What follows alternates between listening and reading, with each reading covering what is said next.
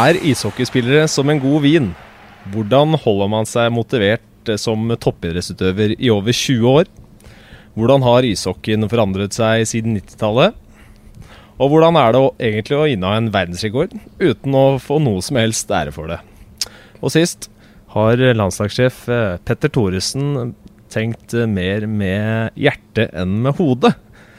Velkommen skal du være til en ny episode av Hockeyprat. Mitt navn er Jonas Barjås, og med meg i dag så har jeg fått med meg to eh, herlige gutter som har betydd mye for norsk ishockey. Velkommen skal du være, Mats og Marius Trygg. Takk, takk. Tusen takk for det. Veldig hyggelig å ha, med, ha dere med.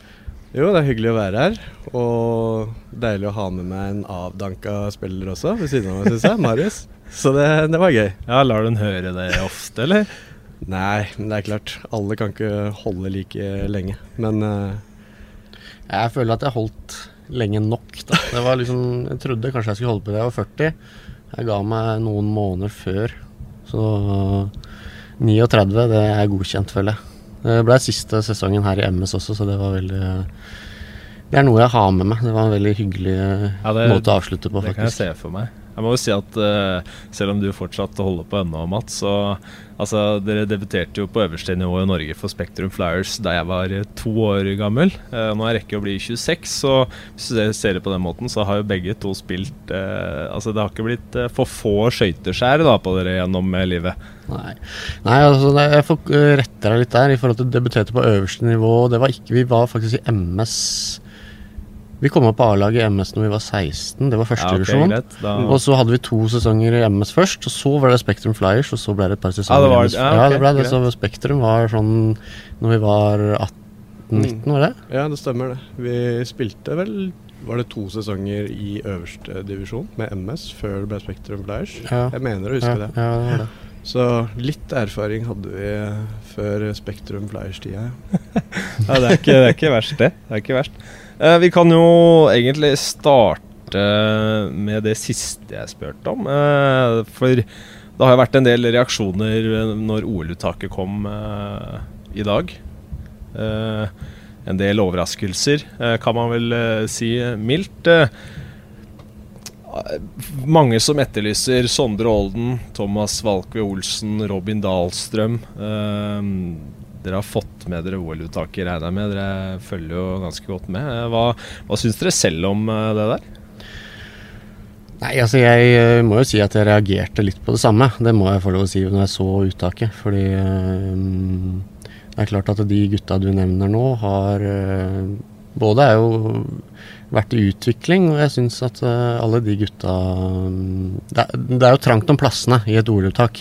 Men det er klart, også de gutta har jo hatt veldig gode sesonger bak seg, da.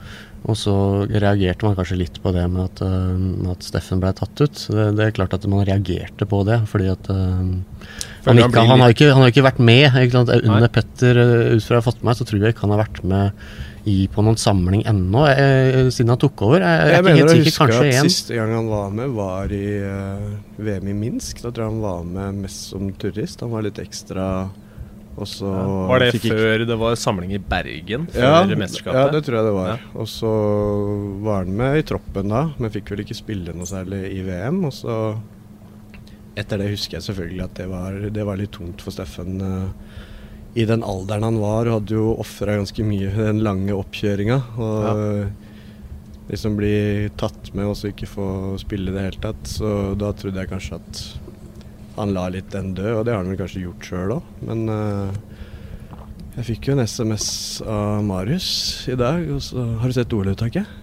Og temaet var jo selvfølgelig at Steffen var tatt ut, så det var jo selvfølgelig en overraskelse for oss, det. Og ja, jeg veit at Petter har uh, Han sier vel selv at han har lett etter rollespillere og folk som kan kle spesielle roller, men ja, jeg reagerte vel litt på det at jeg syns det var veldig rart at en som ikke har uh, vært med noe de siste fire åra det, uh, det, blir, da. Og jeg regner med at Petter hadde såpass kontroll at han har prøvd ut de spillerne nå i de turneringene før OL og visste sånn cirka hvor uh, han ender. Og at da han kommer inn fra det blå der, det, det var en overraskelse.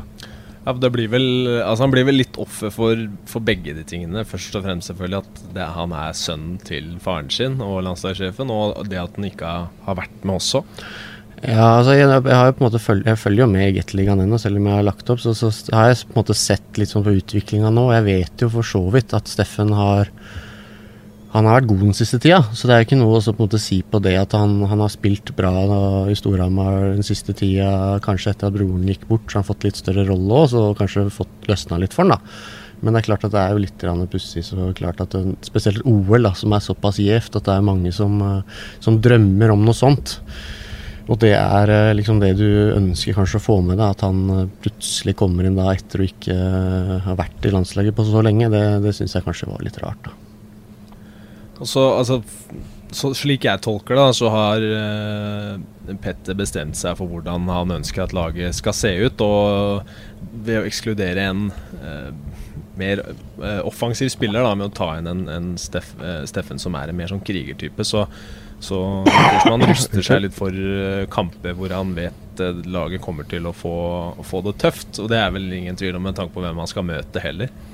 Nei, det er, det er klart det. Han, han, har jo sin måte han vil bygge et lag på. Og, men jeg syns jo også at han har mye av de ingrediensene i laget allerede. I de VM-ene vi har sett. Og vi har mange godt besatt på disse rollespillerposisjonene, da, som jeg, jeg syns vi har eh, ganske mye av. Og så er vel jeg, kanskje, om jeg skal si min personlige mening, så syns jeg på en måte et OL hvor du skal ta ut et uh, landslag, så så mener jeg først og fremst gå for de beste hockeyspillere vi har. Og så for uh, Selvfølgelig er det noen som er ekstremt gode på visse ting som du må ha med i et lag, men ta utgangspunkt i våre beste hockeyspillere, og så får noen kjøpe sine roller. Alle får ikke spille på Oplay f.eks., men uh, hadde jeg vært sjef, da, så hadde jeg hatt det som min filosofi. At jeg hadde sett etter de dyktigste hockeyspillere, og så prøvd å lage et lag ut av det.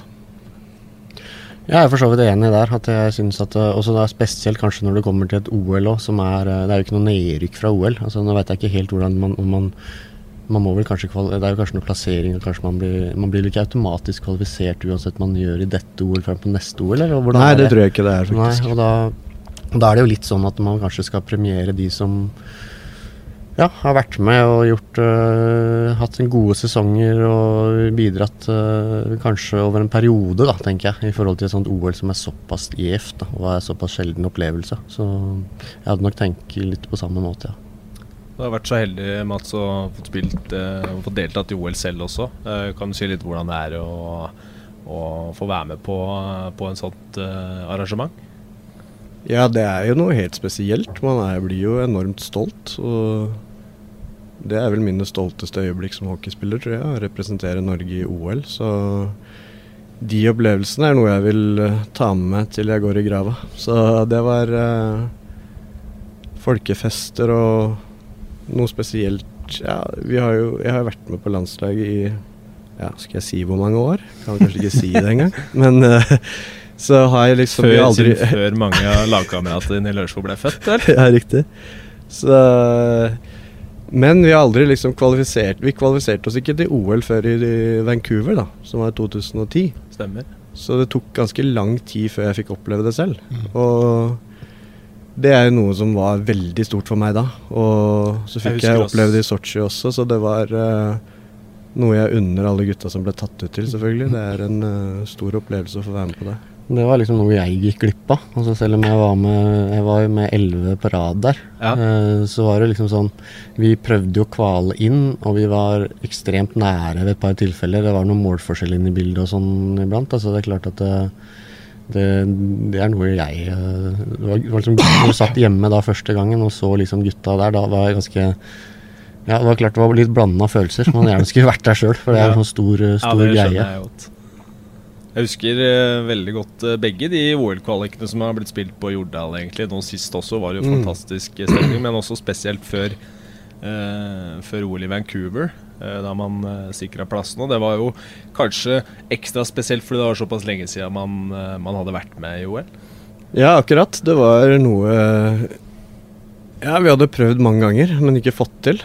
Og når den muligheten dukka opp og vi skulle få kvalifisere oss på hjemmebane, det husker jeg på en måte ja, med en gang du fikk høre det, da tenkte du nå har vi sjansen. Og det var noe aldri, alle gikk virkelig inn for. Og jeg husker den ramma, hvordan folk stilte opp på Jordal, og det var eh, ja, Sånn jeg husker i hvert fall, så var det ganske fulle hus der. Og Ja. når vi sto og holdt uh, om hverandre på slutten der og sang nasjonalsangen og hadde klart en OL-plass, det var uh, sterke følelser inne i bildet da.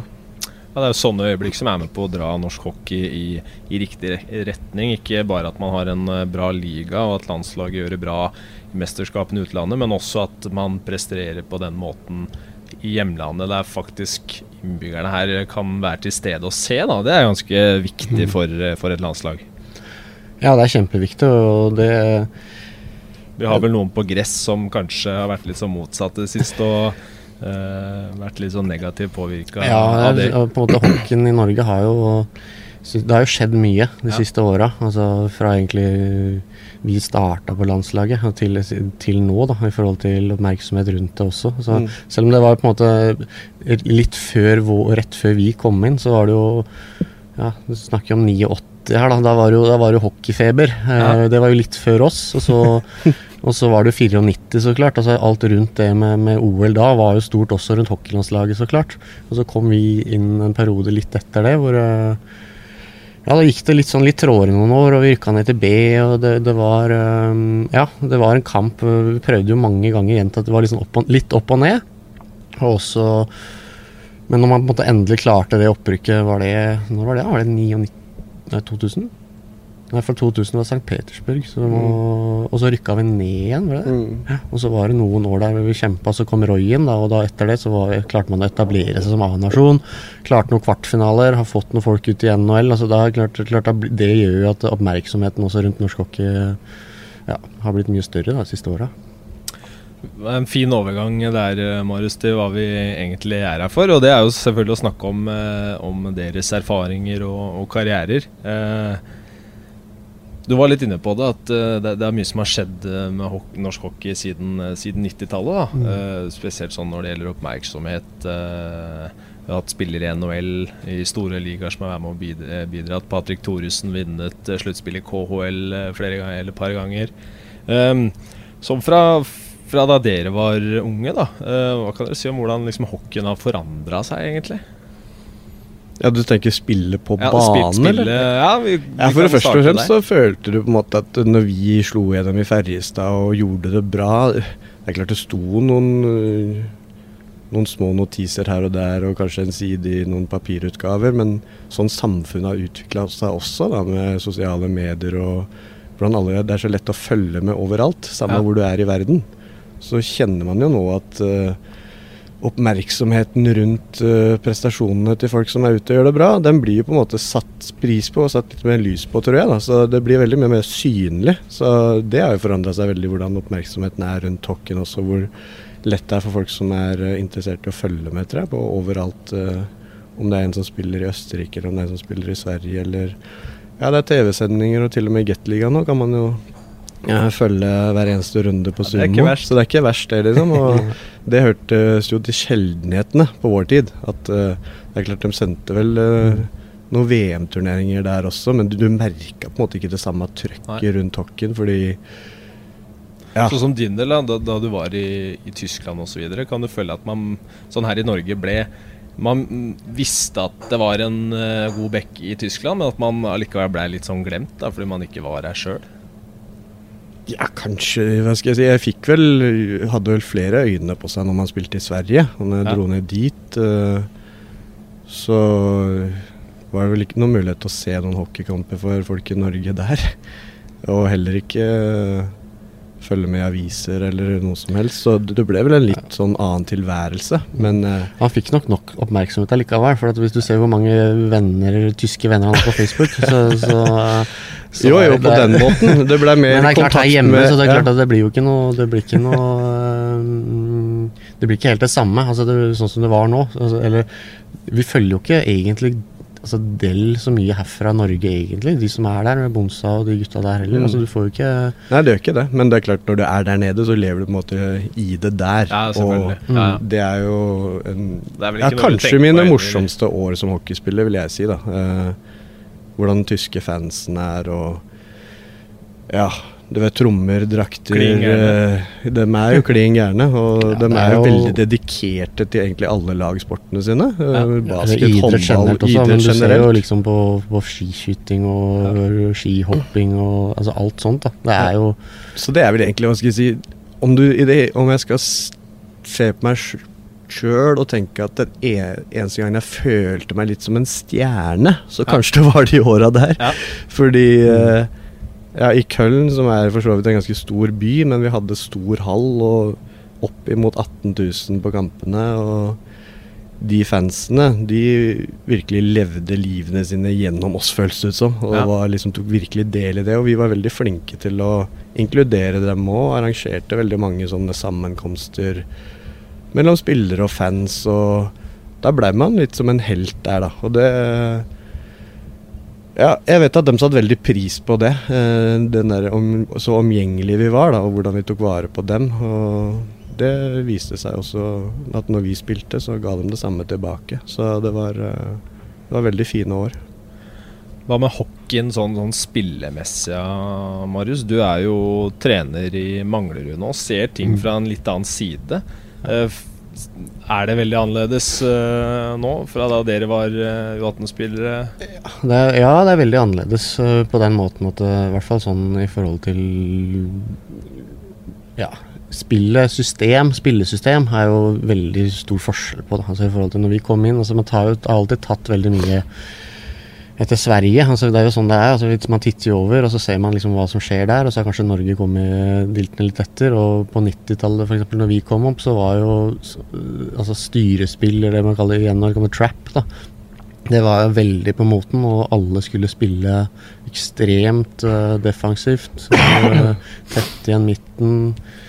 Uh, og det merka man jo også når man kom til Sverige. altså Det var jo ja, vanskelig å skape sjanser. For å si det sånn. Mm. Ekstremt skolert i det. Og så tar jo en, prøver jo Norge, da, altså når vi kom opp i, i Eliteserien, eller hva heter det? Het det Eliteserien når vi kom opp? Ja, det var ikke noe navn på ligaen da. Nei. Nei, det het vel det. Og da, da var det jo veldig mye styrspill her også. Altså når vi kom opp, så var det jo veldig mye Det var mye, mye fokus på det. da Hjem og Det var ikke så mye forsøk Det var liksom man snakka I gamle dager så snakka litt om Ja, vi sjekker hvis vi har hektelengde på, på bekken. Da sjekker du. Hvis ikke, så går du hjem. Ja. Og Det var liksom litt, litt sånn vi var Det var litt preg av det på 90-tallet òg. Mm. Veldig mye system, veldig mye prat om oppspill, avtalte oppspill, fordi motstanderne ga deg tid til å gjøre akkurat det. Men du sto bak mål med, med pucken, og så hadde man avtaler hele veien eh, hvordan man skulle gjøre det i ulike situasjoner. Det er det mye mindre av nå, for nå er det Altså Det er full forsjekk, full speed. eh, Man er mye bedre trent, først og fremst. Det er jo også det. altså Man orker jo å spille altså Spillerne er mye mer eksplosive enn de var før. Da går det fortere. Og så er jo litt med spillesystemet har utvikla seg at man vil ha altså Det er full fart, det er forsjekk, det er fullføre taklinger så, og, og, altså på en annen måte enn det det var da. da. Så det er kanskje den største forskjellen. Ja, jeg er helt enig med Marius at uh, også, og til og med forsjekken er jo selvfølgelig satt i seg system nå. Så hvis du forsjekka i gamle dager, da sendte du fram en mann, da, så skal han eh, på godt norsk gjøre faenskap. Litt Og så håpe, håpe at vi kunne stjele pucken. Men nå er på en måte det også satt veldig i system. Så det, og så sjekker stort sett alle lag, så tempoet blir jo høyere. Og det merker man jo veldig som back. Jeg husker eh, Ja, i gamle ikke- dager så levde Jeg har jo alltid vært hva skal jeg si, jeg har vært god med pucken, og det har på en måte vært min forse. da Men du fikk jo alltid mye mer tid. Og Ja. det Nå handler det egentlig hockey veldig mye for en bekk om å løse problemer hele tida, egentlig. At eh, Det er ikke like lett å dominere en match som det var før, da hvor du kanskje kunne hente puck og ha litt tid på deg og se veldig bra ut. Mm. Nå handler egentlig alle matcher, selv når du møter eh, ikke noe galt om Kongsvinger, altså, men når du møter Kongsvinger her, så handler det om å løse problemer hele Løse press hele tida og kvikke tanken. og være kvikk i tanken ja. og liksom løse situasjoner så fort som mulig. Da. Og det må jo alle fem være med på, men uh, derfor blir jo spillet litt annerledes også. Et dårlig mottak kan oftere få konsekvenser nå da enn hva det ville gjort før, f.eks. Ja, har så tett folk er flinke til å skjære av de vinklene, som jeg sier, forsjekken er satt i system, så Ja. Hvis du gjør en feil eller får skyva pucken videre, så er det en mann der òg. Én kommer langs vantet, én kommer i midten, én sjekker puckfører, og da da er jo sjansen stor om du gjør det riktig for at du greier å snappe den pucken. Så mm. det, sånn Og så er det. liksom sånn generelt sett, da, hvis vi sammenligner med når vi kom opp, så eh, alle som kommer opp nå Vi var vel litt med på det som ble starta kanskje De starta jo veldig rundt 94 egentlig med, med hockeylandslaget. Hvor de fikk en mye ressurser og begynte seriøse prosjekter på fystreninga, egentlig. Mm. Eh, Hvor, hvor altså de samme trenerne som alpinistene var innblanda. Og, og så kom vi da litt i, i eh, skal vi si, bakdraget av det, da, hvor de starta en del sånne talentutviklingsprosjekter. Hvor vi fikk Mm. være med på det. Og det, det var vi kanskje da i eh, Det begynte jo egentlig kanskje som 15-16-årsalderen, og så var vi med, så var vi alltid på en måte fulgt opp gjennom, eh, gjennom det i mange år. da. Mm. Og da blei jo det også veldig eh, Det, det smitta av, da. Altså, nå er jo stort sett uh, de gutta som kommer opp nå, uh, kanskje ikke alle, men veldig altså Det har vært lagt god grunn på fysikken. Mm. Eh, alle som kommer opp, de er klare, eller nesten klare tidligere for, uh, for det fysiske spillet. De Mm. har trent De trener styrke tidligere. og du ser Ja, kanskje Hvis du ser på NHL da, ja. hvis du ser på NHL, så ser liksom de, de beste gutta nesten er jo i 18-19-årsalderen, noen av dem. ikke Mm. Så det, det var det, For noen år siden så var, var det litt for tidlig. Mm. Folk er veldig sånn utvikla tidlig på den biten, for de har trent lenge bra da, i mange ja, år. Jeg vil si at, måte, at om vi var unntakene da, at uh, vi trente bra og hadde fysikken noe som vi Ja, det, vi, det var jo litt vår forskjell. Det var det som måte gjorde at vi kanskje å klarte å oss, ja. skille oss ut, ut litt, da. Men uh, i dag er det mer normalen, vil jeg si. Hvordan vi så ut, og vi, hva vi løfta i knebøy, og hva vi løfta i benk og alt det der. Så, Og det er jo derfor norsk hockey har blitt mye bedre òg. Ingen tvil. Vi sitter jo i Manglerudhallen. Eh, her har det kommet eller vokst fram veldig mange gode ishockeyspillere. Dere er eh, to av veldig mange. Eh, ser jo litt annerledes ut her nå enn hva det var, gjorde når, når dere var i tenåra. Men eh, når, vi, når du kom inn her, Matt, så, så påpekte du at lukta fortsatt eh, er den samme. Jeg har ikke lagt merke til det når jeg kommer hit og skal spille. Jeg det, kanskje jeg er litt for fokusert på det jeg skal gjøre. Men når jeg kom ned i gangen her i dag, så kjente jeg nesten lukta av hanskene til Jørn Goldstein og gutta der. Altså, fordi det, det lukta jo god gammel hockey vel her. en, eh, du passerte jeg passerte ved A-garderoben, der, og så var Fikk det de noen yngre gutter som hadde trent der òg. så da var, fikk du litt den der duften Ja. kom ut der. Men eh, da fikk jeg virkelig kjenne på hvordan en hockeygarderobe lukter. Man tenker ikke like på det når man drar dit for å trene som man er Fikk der for liksom å gjøre andre ting. når du kom. ja, gjorde det. Men hvordan var det å, å vokse opp her i, i hockeymiljøet på, på Manglerud? Nei, det var veldig altså, Det var jo veldig ålreit. Det var jo mm, Ja, sånn som når vi kom, da, så kom vi opp, så var det Vi var vel egentlig med fattern og Roar Øfsdal eh, blant annet. I hvert fall det var jo litt med å starte kanskje den der miniputt-virksomheten der. De hadde yngres avdeling, Ja, men akkurat men for de yngste var det ikke ja, tilbud. nei, så da- det var vel fatter'n også litt med på å starte, da. Ja. Så vi kom inn der, vi var vel seks år da Mm. vi begynte.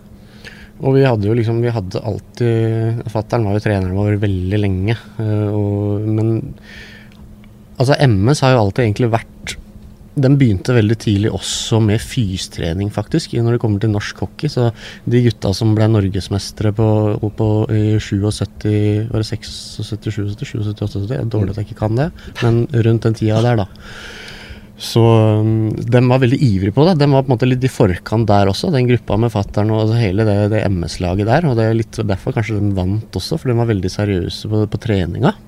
Og det tror jeg liksom har vært Og så mange av de, de gutta som var med på den tida, da, har jo vært trener i klubben her hele tida mens vi vokste opp, og hele veien, egentlig. Det er jo noen som er her fortsatt. Altså Rune Molberg og Per Erik Inger sitter jo på kontoret her eh, nå, ennå. Mm.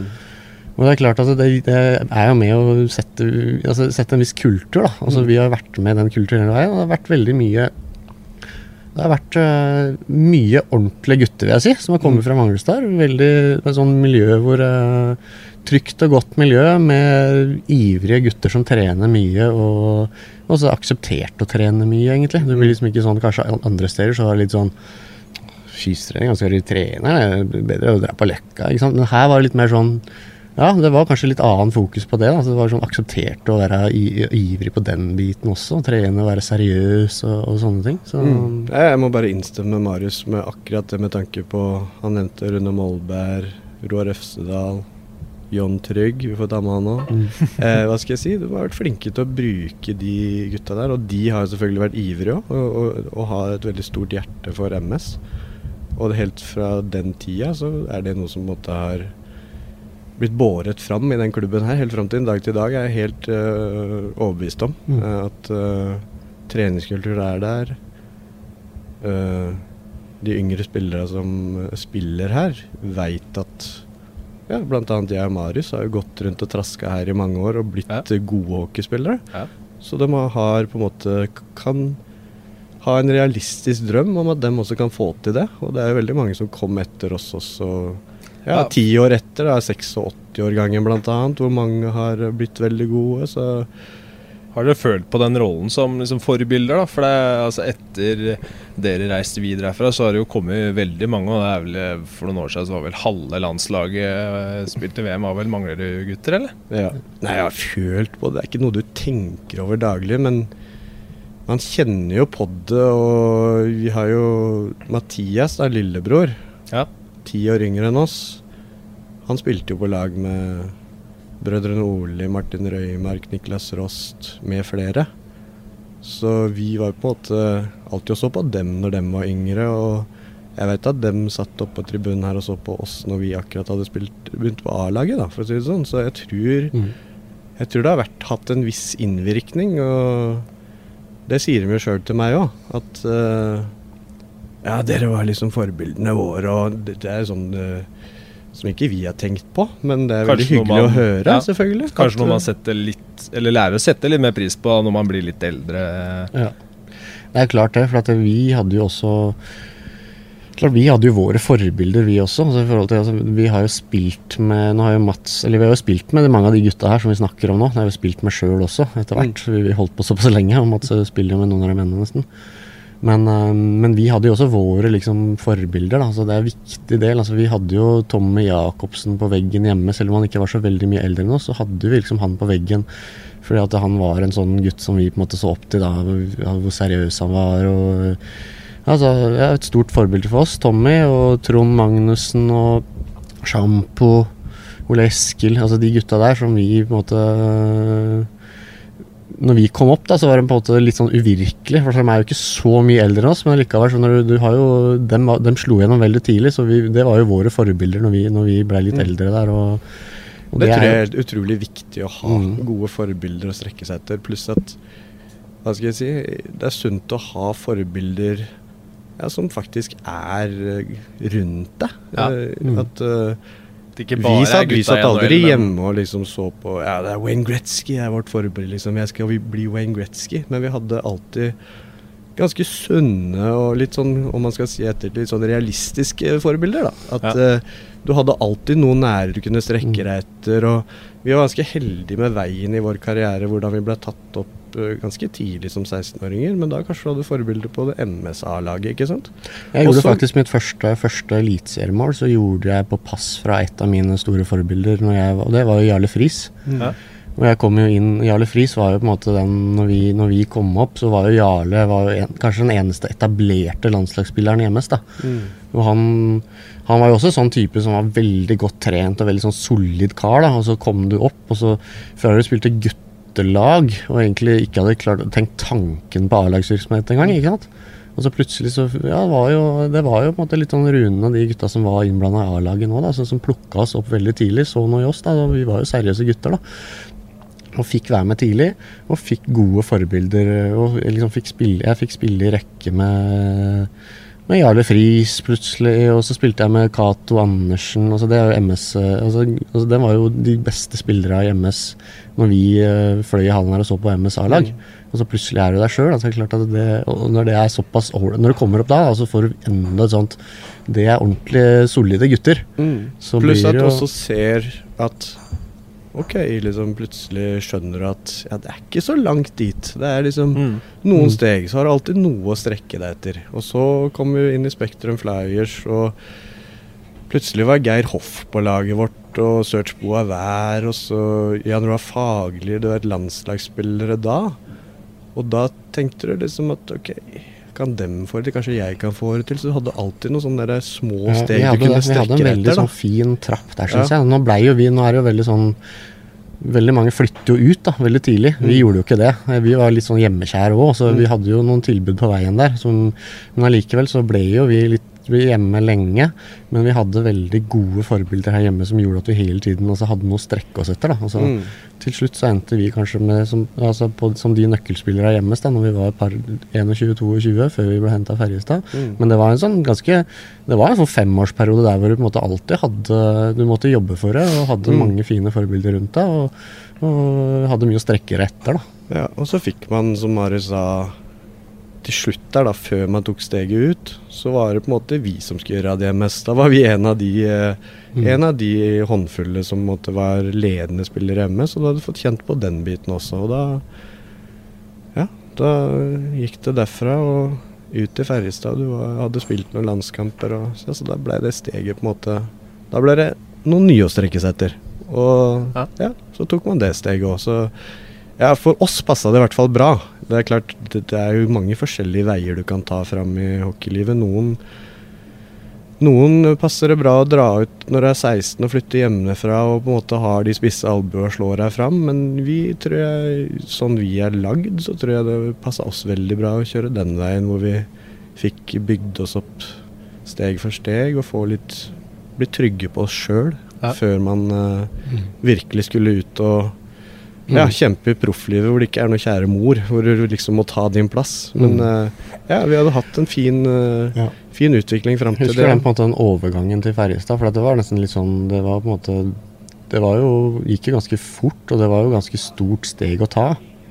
Men det var på en måte veldig sånn Det var riktig tidspunkt, da. For da Mm. måtte du liksom inn der. Og jeg husker liksom hver eneste trening var nesten sånn sommerfugl i magen, for du måtte bare ut og presse dere for å vise at du var god nok for faktisk å spille her. Mm. Så det var på en måte sånn Jeg hadde noen år der hvor Jeg hadde jo litt mer sånn krokete vei der i Ferjestad. Jeg brukte litt lengre tid til å etablere meg, da. Men eh, det var, det var en fight, og det, det ble jeg ganske sterk av, føler jeg. Altså, jeg, måtte, jeg fikk oppleve mye forskjellige ting da, underveis. Var det godt å ha hverandre i Ferjestad òg? Ja, det var det faktisk.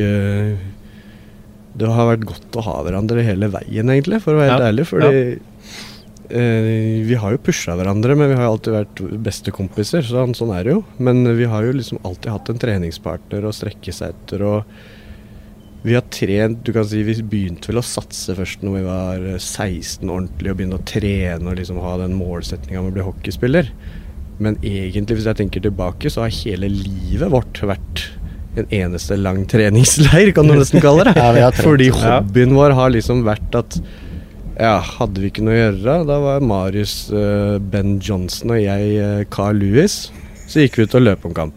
Ja. Eller så var Marius Maradona og jeg var van Basten, og så spilte vi fotball. Ja. Så liksom det, har liksom, det har vært mye trening da, som du ikke tenker på som trening. Mm. Men uh, det har selvfølgelig vært veldig verdifullt ja, for meg og for Marius også, at vi har hatt hverandre hele veien. Mm. Det har det vært.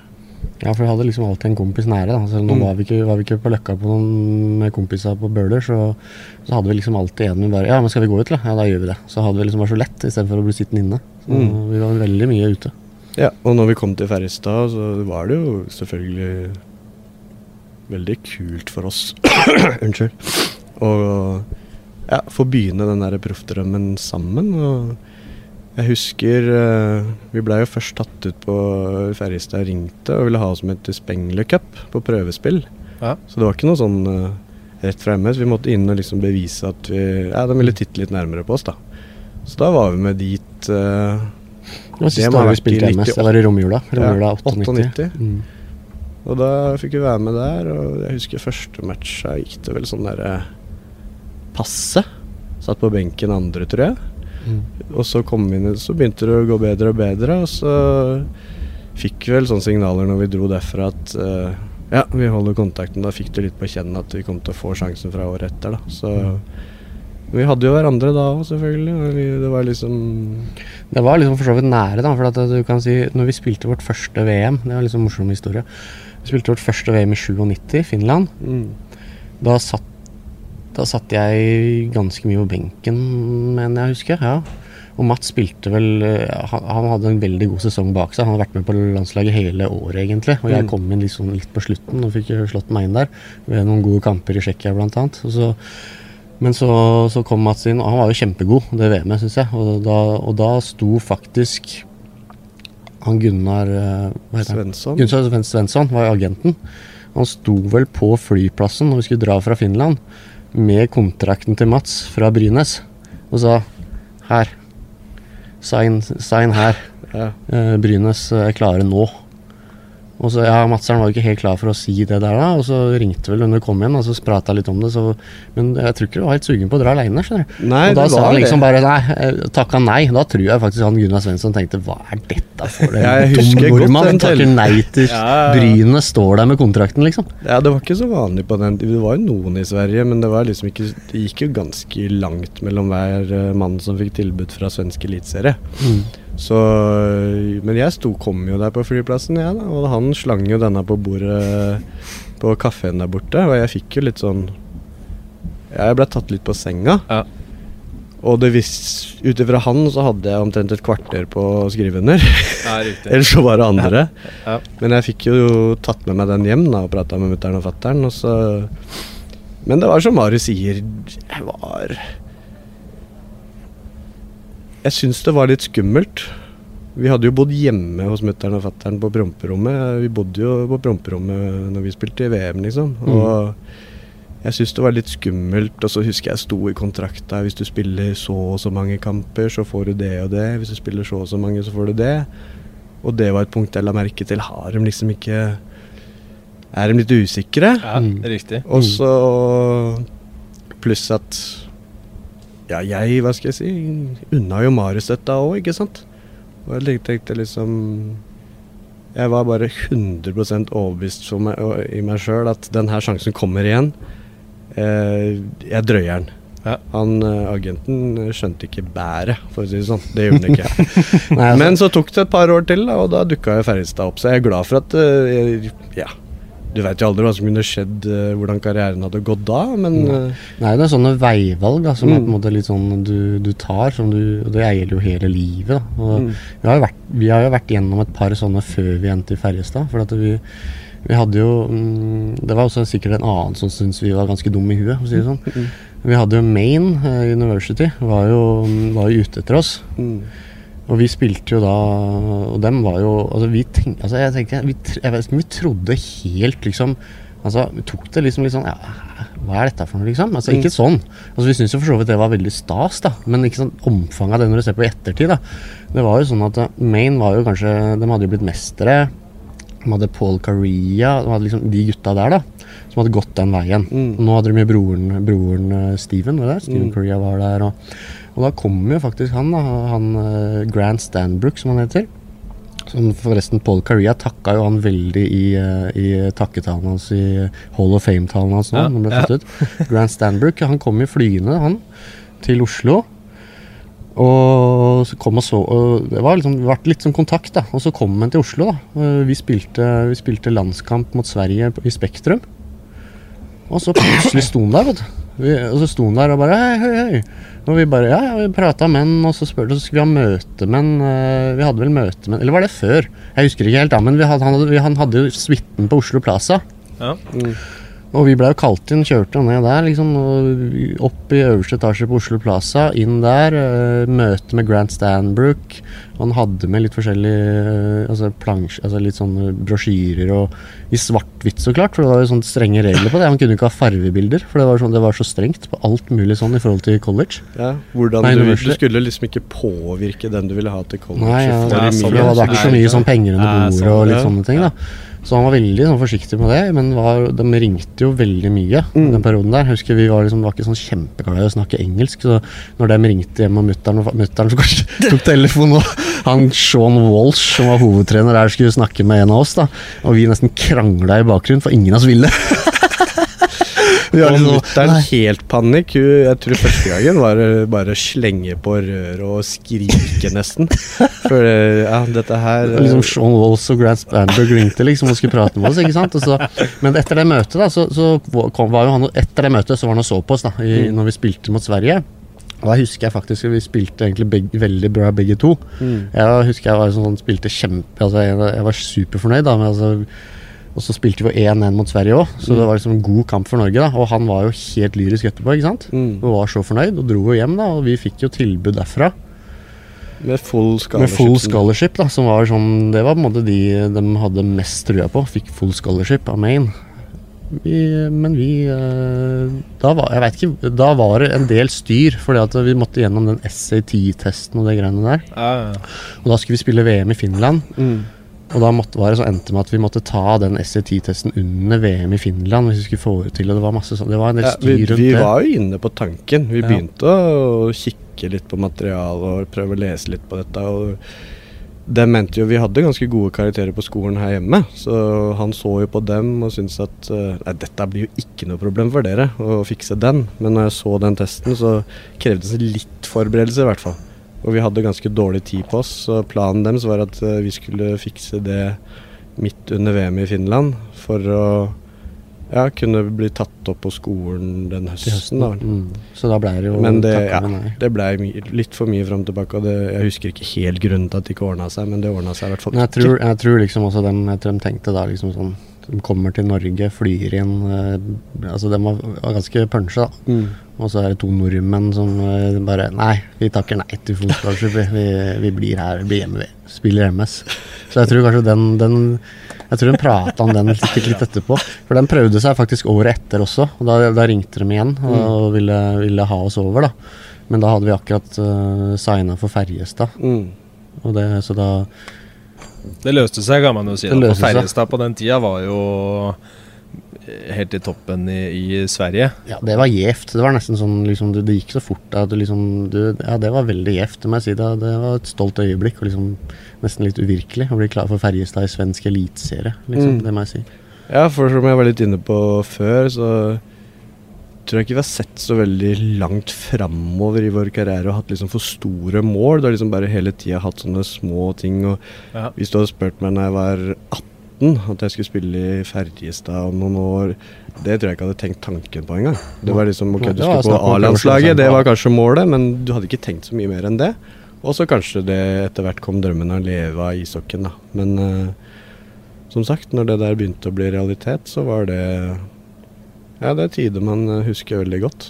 Og ja, det er ganske sånn utenkelig dag. Hvis du ser på Manglerudstad da vi spilte jo, vi var jo på en måte godt nede på tabellen Ja. i uh, norsk eliteserie. Mm. Og det er ikke mange som tar den veien nå hvor ja, du omtrent spiller i Ja, om du spiller i Manglerudstad i dag, da, så går rett inn i Ferjestad BK. Det er, ikke, det er et ganske stort steg. Mm. Så det skjer nesten ikke Det var egentlig nesten større før. Det var Mm. litt sånn Skryte oss litt av sjøl, da. Ja, rein, rein hockeymessig var det nok ja, det. For da var det liksom ikke Det var ikke noe KL. Nei. Og så var det De spilte jo med tre rekke, tre femmere. Uh, de spilte jo med tre femmere, og Mm. det var liksom ikke Det var alle svenske landslagsspillere, bortsett fra NHL-spillere, var hjemme, så da Mm. var det litt trangere da, å slå Mm. seg inn. Så at vi på en måte ble henta fra åttendeplassen i, i Gateligaen over til uh, et lag som ville være med og kjempe om uh, gull i Sverige, svensk eliteserie, det var et ganske stort steg, da. Ja, det sånn. det var det. Men det var jo Det var gjennom landslagsspill man fikk den sjansen. Sånn var Ja. det jo. Fordi Ja, det var et litt sånn generasjonsskifte på norske A-landslag også på den tida, hvor vi var en del gutter, oss inkludert, og Pål Johnsen og Martin Knoll og den Morten, 66 Morten Fjell altså, Vi ble tatt med ganske tidlig. Skrøder kommer med ja, samtidig også, Vi var jo helt, litt heldige der òg. Ja. Ble tatt med ganske tidlig fordi at de ville satse på noe nytt. da Mm. Og det, det er jo også klart Det bana i vei for oss. Da fikk Ja. man spille, og så spilte vi av igjen også Fikk litt øye på det der. der, da. Og det er liksom litt sånn små marginer, så klart. Mm. alltid. Det er det. På den eh, tida så var jo Ferjestad med i seks strake finaler. Eh, det ble to SM-gull på klubben. På deg, Marius, så ble det tre finaler. Mm. Mens på deg, Mats, så du var med på fem. Ja. Eh, dere vant eh, SM-gull eh, sammen i 2002. Mm, stemmer det. Eh, det må ha vært eh, ganske stort for to gutter fra Ja, altså det, det må jeg si det er det største øyeblikket, eh, sånn i hvert fall for meg, i karrieren min. For jeg husker altså, jeg hadde sånn, den følelsen. For det som var litt morsomt òg i forhold til det året for, for min egen del, da, det var jo at det er klart, I Ferjestad vi hadde vi var jo, Det året så var vi jo ranka som jeg tror var Europas nest beste lag. Mm. Så vi hadde jo et fantastisk lag, ikke sant. Mm. Og så hadde jeg litt sånn, litt sånn kronglete start på Ferjestad-tida mi, egentlig. Hvor jeg satt ganske mye på benken og ja, måtte virkelig krige hver dag da, for spilletid. Men, men på en måte det året, da, så var jo det Jeg hadde et par år til hvor jeg også fikk spille mye, men, men, men det året så spilte jeg liksom alle matcha og spilte alle sluttspillmatcha og spilte bra i finalen. Så, altså når man ender da å vinne, da, den følelsen jeg hadde på banketten etterpå, da, den var faktisk helt sjuk. Den, Ja, den hvor var, du liksom følte at du faktisk bidro til dette også, da. Mm. Ja. Så det er ett øyeblikk jeg husker veldig godt fra den kvelden. Det ble jo ganske ja, vått etter hvert med mye, mye drikke. Men jeg husker at jeg bare brøyt ut. Jeg satt på bord med ja, Jonas Frøgren og noen andre og damene deres og damene våre. Og så bare brøyt jeg ut i rein lykkesrus og skreik ut dette er det lykkeligste øyeblikket i mitt liv, sa jeg bare. Det var toppen. Ja, det var toppen. Og da husker jeg disse damene bare Du er så cool, Mats, at du sier det, liksom. Mm. For da var liksom bare Ja. Da sa man hva man følte. Og det var, ja, og det var jo faktisk det òg. Det var en guttedrøm som liksom gikk i oppfyllelse, og det tok man virkelig inn, da. Det er, det er vel en sånn En gledesrus man, man må ha vært med på det for å forstå hvordan det er, kanskje? Ja, det er det. Og så var den, hele den sesongen var egentlig noe man ser tilbake på med stor glede, fordi vi var først ute i Karlstad med å, å bygge ny arena, og det Mm. var til det året der. Så jeg husker også første kampen der hvor det ble åpning av ny, flott arena, Løbergs lila arena, og man kom ut der med 8000 og gåsehud, og jeg kjempa nesten med tårene, husker jeg. Mm. For dette var noe vi hadde venta på så lenge, da. Mm. Ja. Og fra starten av den sesongen så, så bare gikk alt på skinner for hele klubben og hele laget. Og det var fullsatt hele Ja, vi satte sesongen. ny eliteserierekord i antall seier og antall poeng, og vi Mm. tapte ikke en kamp i sluttspillet. Vi feide jo alle var jo, Vi sweepa jo hver runde, liksom. Mm. Så det var jo det var på en måte en sånn helt sjuk. Og så var det det var en ny arena, satte standarden for det. Færrestad satte standarden for det. Og så var det liksom fullt hver kamp hele sesongen. Det var 8000 tilskuere der fra Jeg tror det var det fra første match til øh, Mm. Ja, det var i hvert fall ikke langt unna. Nei. Men Jeg husker liksom, sånn, jeg husker jeg tenk, tenker liksom tilbake på de øyeblikkene der. da. Altså, du, vi kom jo fra garasjen. Det var hjemmebanen vår. og, så, så, og så plutselig neste hjemmebanen vår, det var på en måte det var, Først var det for Ferjestad ishall, og den var jo, det var jo syk stemning i seg. da. Mm. Men jeg husker liksom jeg tenkte sånn i ettertid Jeg husker jeg satt og tenkte bare sånn Før så jeg jobba mye med meg sjøl. Eller sånn, prøvde å finne metoder for å lade til match og være som passer meg, og litt forskjellig. Altså, skal du fyre deg opp, Ja. eller skal du bli sint, eller skal du liksom altså, Det hva tenkte du ikke da? Nei, ikke sant. Jeg tenkte sånn Når jeg kom, Uansett hva jeg gjorde før der, kom jeg på oppvarminga, så var det bare gåsehud og adrenalin og lette bein. Altså, det var automatisk lette bein. Ja, det var det. Fordi at det var bare sånn Wow! Det var så stort, liksom. Mm. Så det, det, var, det, var, det var morsomme tider. Mm. Ja, og så hadde vi veldig bra lag på den tida. Som du sa, mine seks år så var vi i fem finaler. Og vi hadde en hockey som liksom var Passa Brødrene Trygg helt utmerket, da. Fordi vi var et sånn lag som masse puck, skikkelige lirere, ikke sant. Ja. Og vi holdt i pucken, vi tromma på. Det var ikke snakk om å liksom legge ut pucken. Da var det vende hjem og holde i pucken, så det var veldig frustrerende å møte, tror jeg. Men liksom, ja, det var en veldig sånn fin harmoni i det laget, og veldig godt sammensatt i måten vi spilte hockey på. Så du, liksom, du bare gleda deg når du hørte den der trampeklappen før første nedslipp der. Og Du visste liksom begynne, så visste du at nå kom vi til å bare kjøre Ja. og være i den angrepssonen de første fem minutta. Og sånn var det på den tida, for Ja, vi hadde såpass bra lag. Ja, så liksom, det når var, Jønsson-ligaen begynte å starte der, så Mm. visste du altså, det var liksom bare å henge på. Altså, det, så bare, det var eh, Ja, det var, det var gøy å spille. Det må jeg si. Jønsson-ligaen, eh, altså Jørgen Jønsson, eh, en klubblegende av mm. sjeldenheter, egentlig. Åssen er liksom delt garderobe med sånne typer som har såpass høy standing også i Sverige? da? Nei, men Jørgen var jo sånn, en sånn type liksom som du bare Du visste ikke hvor god han var før du fikk ham på samme lag. Ja.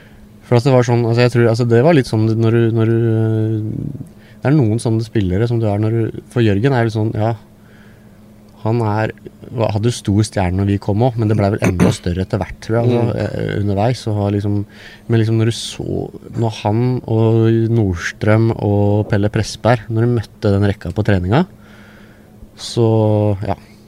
Det var på en måte et sånt nivå som du, du hadde ikke vært borti før. da, For at du fikk jo ikke låne skiva. Det er så ærlig Da måtte du, da måtte du jobbe for det. Mm, ja, da måtte du jobbe for det. da måtte du jobbe for det. Men jeg husker det husker jeg faktisk litt med når vi, når vi var med Spengler Cup den første gangen også. Nivået på de beste. Jeg synes, altså Det var litt sånn wow, faktisk, i mm. forhold til greit. Altså, man klarer, jeg jo, var jo heldig faktisk å få spille noen kamper med de gutta iblant også. og Jeg følte liksom at jeg, jeg klarte å, jeg heva meg virkelig med det. da, Klarte mm. å henge på det. Men allikevel, når jeg kom til Spengler Cup, så liksom vi tok ut keeperen og og så satt de på liksom Jønsson, Nordstrøm, de gutta der, Fåkin, noen av de beste bekka, Rodin og de gutta der. Da var det på en måte sånn trøkk da, som du aldri hadde opplevd uh, hjemme i ligaen her. Altså Det var sånt Ja, det var litt sånn wow-faktor over det trøkket mm. de sette. Så ja, vi lærte så, sykt mye av det. det. Det lærte man ekstremt mye av, da. Så nivåforskjellen på Eliteserien Sverige da og den norske ligaen vi kom fra, var mye større enn den er i dag, vil jeg si. Med tanke på hvordan hockey, hockeyen spilles. Da. Det, er, det, er fort, det er ganske høyt tempo i Gateligaen nå. liksom at uh, jeg tror på en måte at det steget, hvis du kommer og spiller en eliteseriematch nå, så får du ikke det sjokket som kanskje vi fikk uh, når vi kom dit. da. At uh, Vi syns på en måte at spillere var ja, de var uh, veldig gode i forhold til det vi var vant til. Men ja, vi, vi, klarte liksom å ta det steget ganske fort. da. Og mm. du fikk uh, Vi var godt trent, og det var noe de likte veldig godt. At mm. vi på en måte kom inn på sommertreninga der og løfta mest, og vi hoppa høyest, og vi var, ras vi var av de raskeste. og vi, mm. Så på en måte, da, da, tror jeg på en måte at uh, vi fikk den tilliten, og at de virkelig ja, de verdsatte at vi var der. Og, og da fikk man jo sjansen, så tar det jo ikke så lang tid før om du har de tinga på plass. Og vi hadde jo gode basisferdigheter i hockey, da. Det mm. hadde vi, mm. liksom. Så du tilpassa deg det miljøet ganske fort. seg veldig første året der, eller første mm. året, i forhold til å trene daglig. Mm. Men som du sier, altså fysen vår har jo vært vi var jo veldig litt ekstreme der, faktisk, i forhold til når vi trente når vi var yngre. I forhold til mm. kanskje en del i norsk hockey var da. Så vi mm. var jo veldig langt framme på det. Og jeg husker liksom når vi kom over til Ferjestad da og begynte å kjøre dype bøy og sånn. Til og med dem fikk litt hakaslepp når vi kjørte dype bøy, for mm. dem var ikke, var ikke vant til det. Så den var liksom sånn, de, ikke, ikke, den, liksom. At vi uh, kjørte 200 dype der uh, disse små, små gutta fra Norge kom inn. Så vi var jo langt framme der. Mm. Men, eh, men, klart vi hadde en del andre ting å hente. i forhold til det. Selv om de kanskje ikke var like sterke i bøy og benk, og sånne ting, så var de ekstremt sterke og stabile på isen. Mm. Så det var liksom sånn litt forskjellig type styrke, kanskje. Mm. Trent til på annen måte. Ryktene skal til at du også rakk å sette en uh, uoffisiell verdensrekord uh, i Ferjestad, Marius. Kan du fortelle litt om det? Ja, jeg tror, ikke, jeg tror ingen har den. Det tror jeg faktisk ikke. Det, den, uh, det var faktisk den perioden hvor jeg, jeg satt en del på benken. Jeg hadde jo Gunnar Johansson som trener, og han var liksom litt forsiktig der i starten. husker jeg, og spilte på tre rekker og var på benken da, så spilte kanskje du kom inn en gang iblant og sånn, da, men, men, eh, han var liksom litt forsiktig. Og i den perioden der så følte jeg at jeg egentlig hadde, var egentlig i superform og spilte bra egentlig på trening og alt mulig sånn. Så jeg var klar som et egg, jeg. Mm. Men han følte kanskje ikke helt det samme, da. Men det som var, da, det var jo litt rundt det. Jeg begynte på benken. Det var mot Frølunda hjemme. Så, så, begynte jeg på benken. Og så fikk eh, Vi fikk seks mann på isen. Vi fikk utstilling for seks mann. Det var et eller annet, tror jeg. Men ja. da, da, da, Ja, Marre, Marre, ta den. Jeg ble jo kalt Marre hele tida men jeg bodde i Sverige, faktisk. Ja. Marre tar den. Ok, da gikk jeg og tok den. Og så ja, tima det så jævlig bra. da Så akkurat liksom når jeg kom ut, da så, så um, fikk jeg den på blank. Jeg lurer på om det faktisk var på Lundqvist, så det krydder jo historien enda mer. Det var mot Frølunda. Mm. Og gikk inn og satt den mellom beina på Lundqvist, og det var liksom fryd og gammen. Det var skikkelig gøy. da, ikke sant? Så jeg, kom, jeg hadde ikke spilt og kom inn og satt den, ikke sant. Og det var sånn jevn match òg. Mm. Viktig match for oss. Mm. Men tydeligvis var ikke det nok da, for treneren, for det, da var jeg litt ute i hagen hos han treneren. Jeg må innrømme det. Det var ikke helt, eh, det var ikke helt fryd og gammen. Jeg var ganske frustrert den tida, faktisk. For jeg følte jeg presterte ganske bra.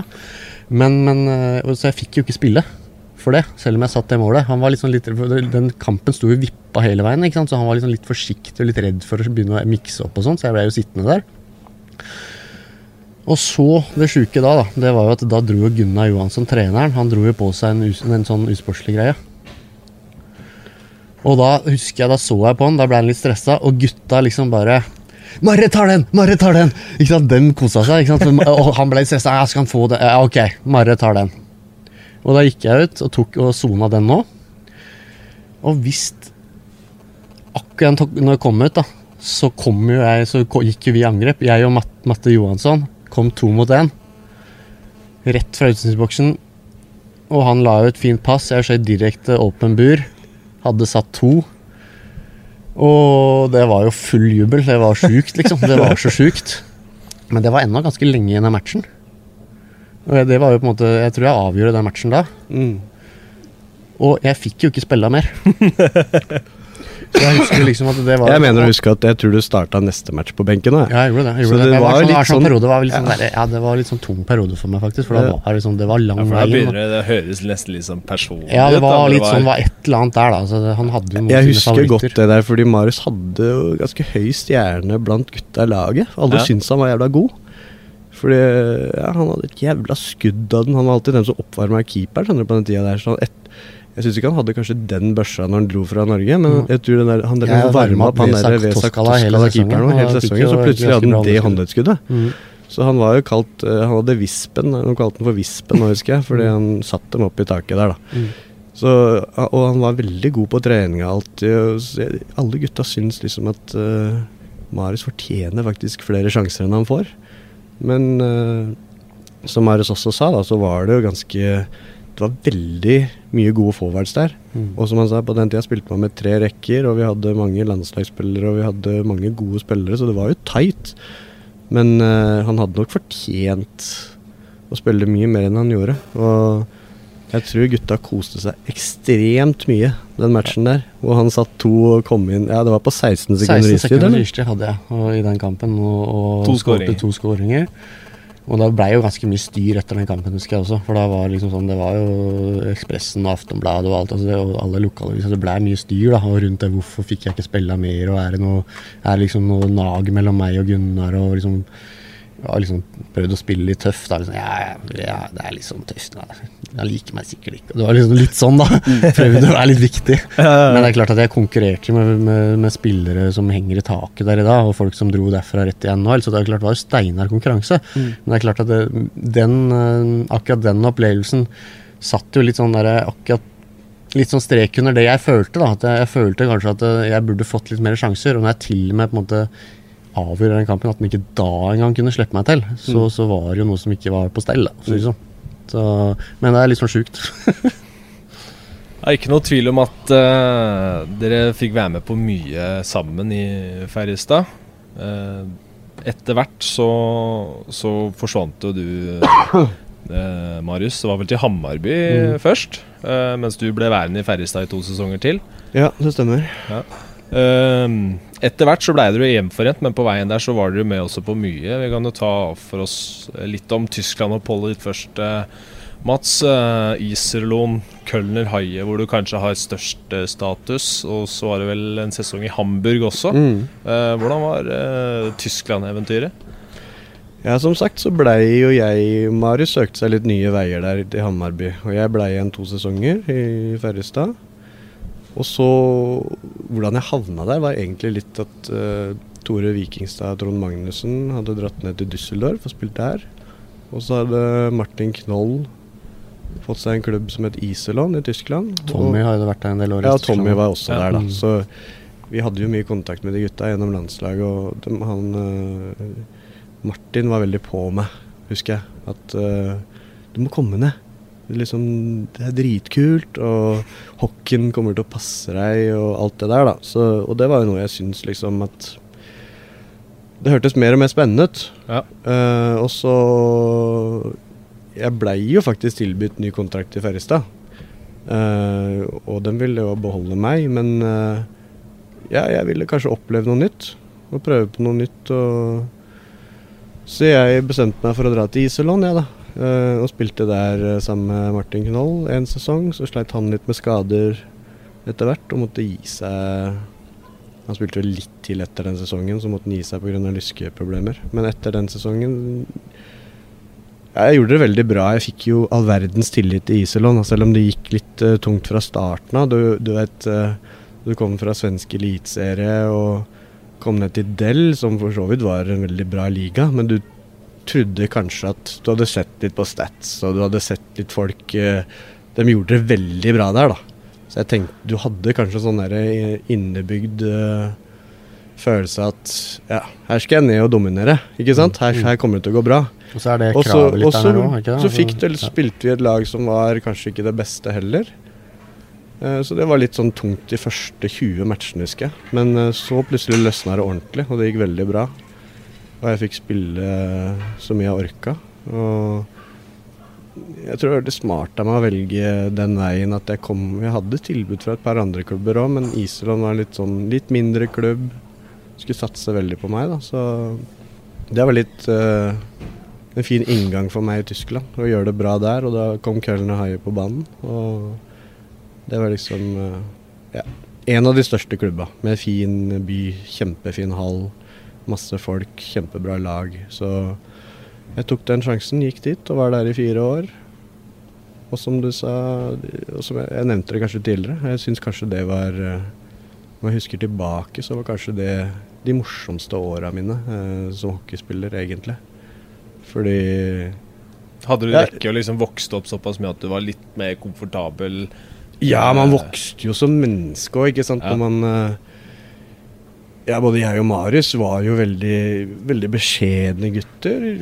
Stille og rolig. Jeg er fortsatt stille og rolig, men du vet, du vet liksom når du drar ned til Europa der og må klare deg litt sjøl og kommer inn i en ny klubb og da, da lærer man mye om seg sjæl, og man, eh, man, vokser jo mye på det. Så da begynte det å bli ganske Skal jeg bruke det ordet igjen? Trygg. Trygg på seg selv. ja. uh, så da hadde jeg virkelig etablert meg, føler jeg selv, som en som en toppspiller, da. Og jeg følte at jeg utvikla meg også veldig mye som hockeyspiller når jeg kom til Tyskland.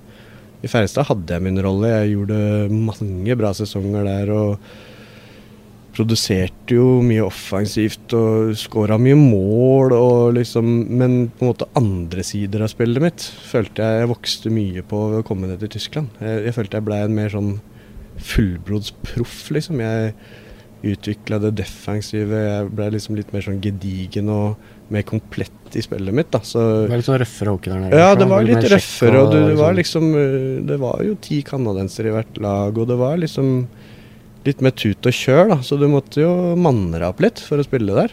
Og det, det vokste jo jeg mye på. Så det I Ferjestad var jo Vi var kjempebra lag, og vi hadde pucken, og vi, jeg kunne spille på det jeg var veldig god på, på i yngre dager. Men jeg fikk på en måte ja, finslippe litt på andre deler av spillet, da. Så selv om jeg kanskje Jeg gjorde jo jeg var jo en offensiv back, vil mange sikkert karakterisere meg som der òg, men jeg fikk liksom Jeg husker lagkameratene mine i Tyskland skulle beskrive meg etter hvert der, og var en sånn rapportasje om meg, hvordan skulle du beskrive Trygg. Jo, Trygg han er en, eh, en aggressiv bekk, liksom. Uh, en som går inn i duella og liksom viker ikke en tomme Det var sånn jeg ble beskrevet. Så liksom det var de sidene av spillet mitt jeg følte jeg utvikla veldig der nede. Og det er noe på en måte Ja jeg bærer preg av den dag i dag i spillet mitt. Da. Jeg føler på en måte at uh, Du er jo allround. Jeg, Jeg, jeg, jeg, er jo all round. Jeg er ikke noe sånn som uh, er noe på noen veldig offensive utflukter, egentlig. Jeg har gjort mine poeng opp gjennom karrieren pga. mine basisferdigheter, og at jeg kan brukes til mye da, på isen. Men ja.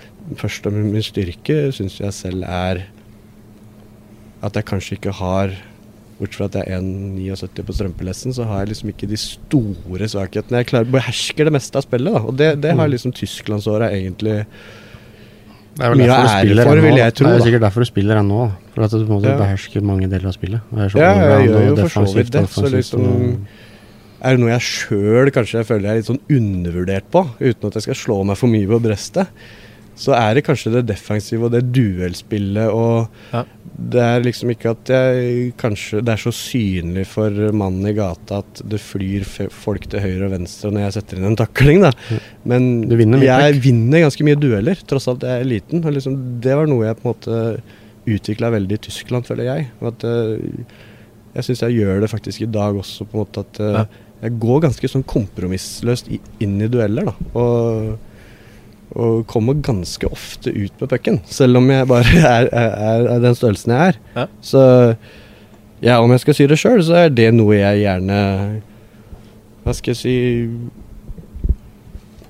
ja, Om jeg vil kreditere meg til sjøl, det høres kanskje rart ut, men jeg føler at eh, om vi skal se på Tysklandsåra, så var det de tinga jeg på en måte utvikla mest, som gjorde at jeg er den spilleren jeg har vært hele tiden, og kunne spille på det nivået jeg har gjort, da. Så Og så var det veldig fine år i Tyskland nå, med ja, det var kjempefint miljø i de lagene jeg spilte.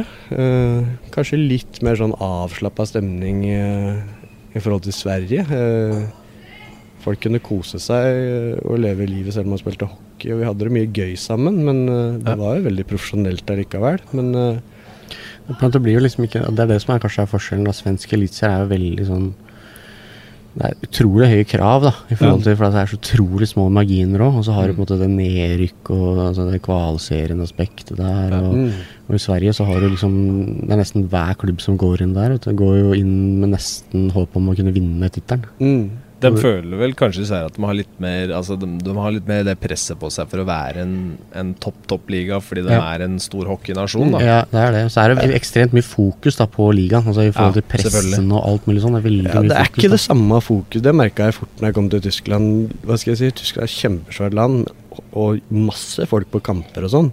Men allikevel er det en ganske liten idrett i Tyskland. Ja, sånn, Sånn me medialt, hva skal jeg si. Det står og- kanskje litt i avisa. Men det var ikke noe sånn kjempetrøkk rundt oss i Köln, selv om vi spilte eh, foran 18 000, liksom. Så du, du ble kanskje litt rann, Du senka skuldra litt rann mer, da, men det tror jeg bare var positivt uh, for Ja. min del. da. Og, Ja. og se litt nye ting og utvikla meg som menneske, syns jeg gjorde mye når jeg var der. Og, så, og det var veldig fine år. eh, veldig Ja, den ramma rundt kampene i Køln det er noe man aldri glemmer, da. Du var jo innom, eh, også innom HV før du kom tilbake til Norge, mens du, eh, Marius, etter eh, noen år i Hammarby, Nybro og et år i Tyskland også, eh, så, så ble det Stavanger Oilers. Du kan si, altså du kan si når du tenker liksom litt tilbake på de åra der, da, så var det litt sånn Skal vi si da, famla litt i blinde der. Ja. Kan vi si det sånn, da. Det, jeg kanskje tok noen valg der som kanskje Ja, kanskje ikke var så smart sånn karrieremessig. Altså jeg øhm, var litt sånn uheldig på veien også, for at øh, jeg hadde jo veldig fine år i, i Ferjestad, men altså grunnen til at jeg ikke ble noe videre, var jo fordi at altså, til, til syvende og sist så spilte jeg ikke en stor nok rolle der det fjerde året. Så var det også litt sånn år hvor det var øh, ja, litt sånn turbulent. og Selv om vi gikk til finale, så var det masse Vi hadde kjempestor tropp, og det ble litt mindre istid på slutten der og sånn. Og, og da var det på en måte Ja, kanskje dags å gå videre. Litt fra begge sider, tror jeg. Både fra Mm. min side og fra Og så skulle jeg kanskje hatt litt mer is i magen i forhold til neste klubbvalg. Det var fordi at jeg, mm, jeg Er du litt mer utålmodig enn eh, broren din? Nei, jeg var ikke så utålmodig. Altså, sånn, men det var liksom litt sånn, sånn som det blei Det var kanskje ikke så vanlig da, da å sitte på gjerdet sånn som folk gjør nå. Sitte på gjerdet over Nei. sommeren og se hva som skjer, og se hva som dukker opp. Liksom. Ja. Jeg var liksom ikke helt kanskje den typen heller. Jeg hadde allerede Hadde jo familie allerede, hadde barn og sånn. Så, sånn at da når vi eh, Eller ja, kom vel da, Lukas? Ja, 2002.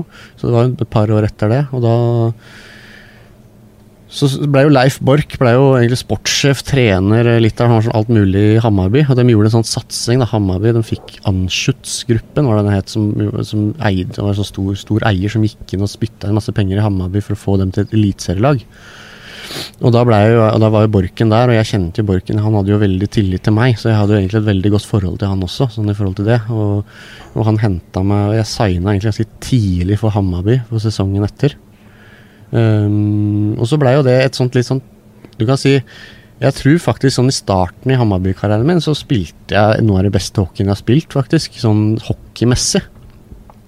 Men så har jeg hatt litt sånn øh, Karrieren min har vært litt sånn Da, da ble jeg verva som jeg har hatt litt vanskelig med å finne kanskje min etter Ferjestad-åra, å finne liksom min klare, definerte rolle. For jeg har på en måte kledd alle mulige forskjellige roller. Jeg spilte alt fra fjerdesenter i landslaget til førstesenter, som, og så spilte jeg med Sjampo og Skrøder i første rekka i landslaget. Og så spilte, kom jeg til Ferjestad og spilte liten rolle. Og så ble det veldig mye sånn fram og tilbake. Da. Jeg fikk kanskje ikke definert meg sjøl som spiller. Og så hentet, Men jeg hadde liksom skudd og egentlig utgangspunkt en målskårer som yngre, da, og da henta Borken meg til Hammarby som egentlig rein målskårer. Han skulle ha meg til å gjøre mål. Og litt sånn klar, litt sånn Tommy ja, Litt sånn, Jo, jo, ja, men litt sånn Tom, ja, men litt sånn Tommy Kallio, altså, sammenligna med det. Kallio rask på jerna, gå på avslutt. Mens jeg egentlig innerst inne da, har alltid sett meg sjøl som litt sånn ja, litt allround. Uh, play, egentlig nesten litt mer playmaker. Uh, kan spille jeg spilte jo undertall mye i landslaget, ikke så mye powerplay alltid. Det var litt sånn fram og tilbake. da. Og når han verva meg dit, da, med liksom sånn, bare sånn reinspikka krav om at du skal score mål Det var egentlig sånn, og jeg fikk litt sånn Jeg spilte Jeg følte jeg var egentlig min livsform, for vi trente jo som russere. Vi trente jo sykt hardt. Mm. Så jeg var i min livsform, spilte egentlig min livshockey i starten der, føler jeg. Men, øh, men øh, sleit litt med uttellinga, da. Det, det har kanskje vært litt sånn som har definert litt karrieren min, at jeg har kanskje ikke vært noen sånn naturisk målskårer. Jeg har skåret mål pga. at jeg har vært rapp og skapt mye sjanser og sånne ting. I perioder skåret mye mål. Men, men der var liksom det kravet at da skulle jeg skåre mål. Og hvis jeg, hvis jeg jobba backsjekka jeg for hardt, så fikk jeg nesten sånn Hadde møte med Borken og sa Vet du hva, jeg har ikke henta deg hit for å backsjekke, Marius. Det kan du egentlig bare Altså, det var litt de beskjedene, da. Som var ja. så nytt, da. Ja. Bare sånn ja, så det, ikke sant? Så da, da ble det Du fant ikke helt deg sjæl. Jeg gjorde det greit med poeng. Gjorde sånn mellom 20 og 30-25 poeng eller et eller annet sånt i Allsvenskan. Men det var litt under forventning, da. Sånn at det var liksom sånn veien videre etter det. Da var det sånn Jeg burde kanskje hatt litt Kyland, for jeg hadde en ganske bra status egentlig, tror jeg, etter Ferjestad-åra. Så jeg kanskje burde kanskje venta litt og sett om det dukka opp noe eliteserielag som ville ha meg. Mm. Da gikk jeg veien etter Hammarby. Ble jo litt sånn da, litt sånn dårlig- halvgrei sesong, men ikke sånn hvis du titter på poenga, da, så var ikke det så bra som kanskje var forventa.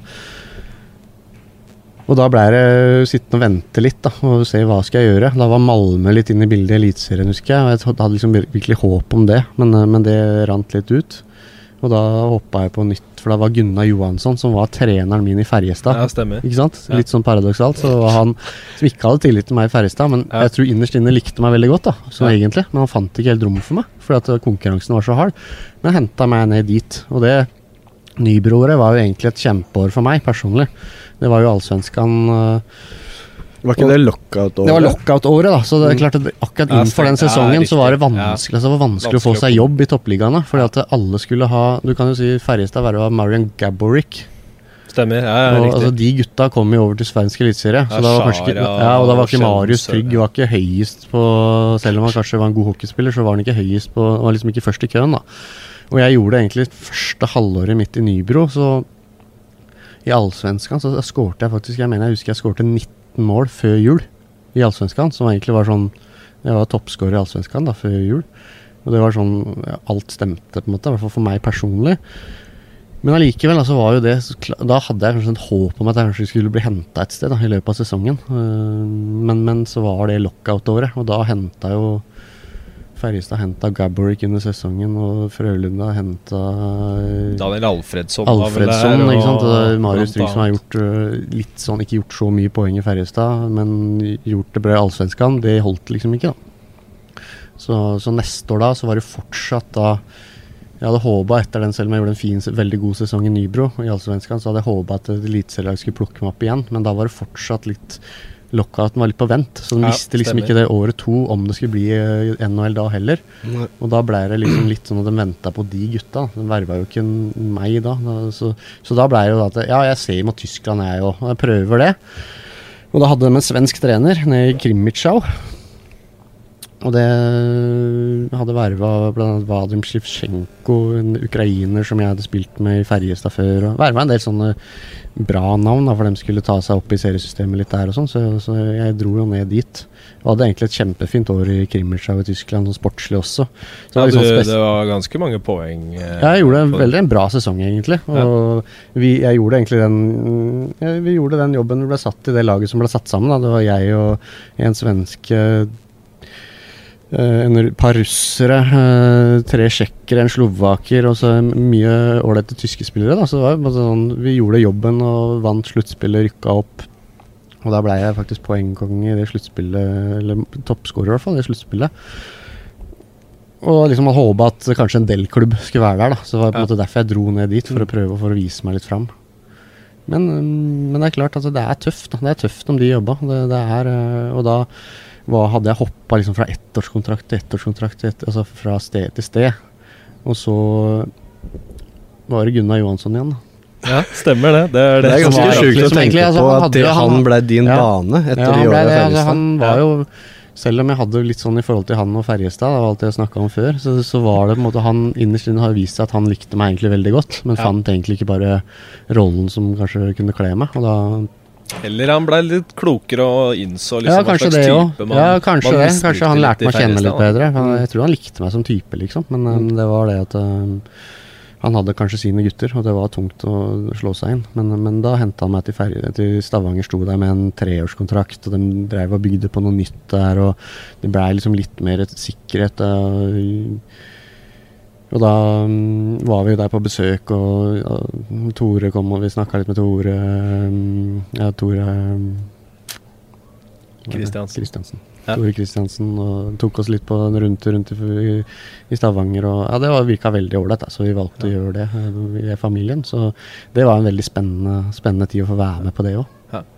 Du var jo altså, med på å bygge opp det. De hadde litt sånn eh, noen år hvor de kanskje si, prøvde å feile litt, sleit litt med å knekke liksom, koden skikkelig.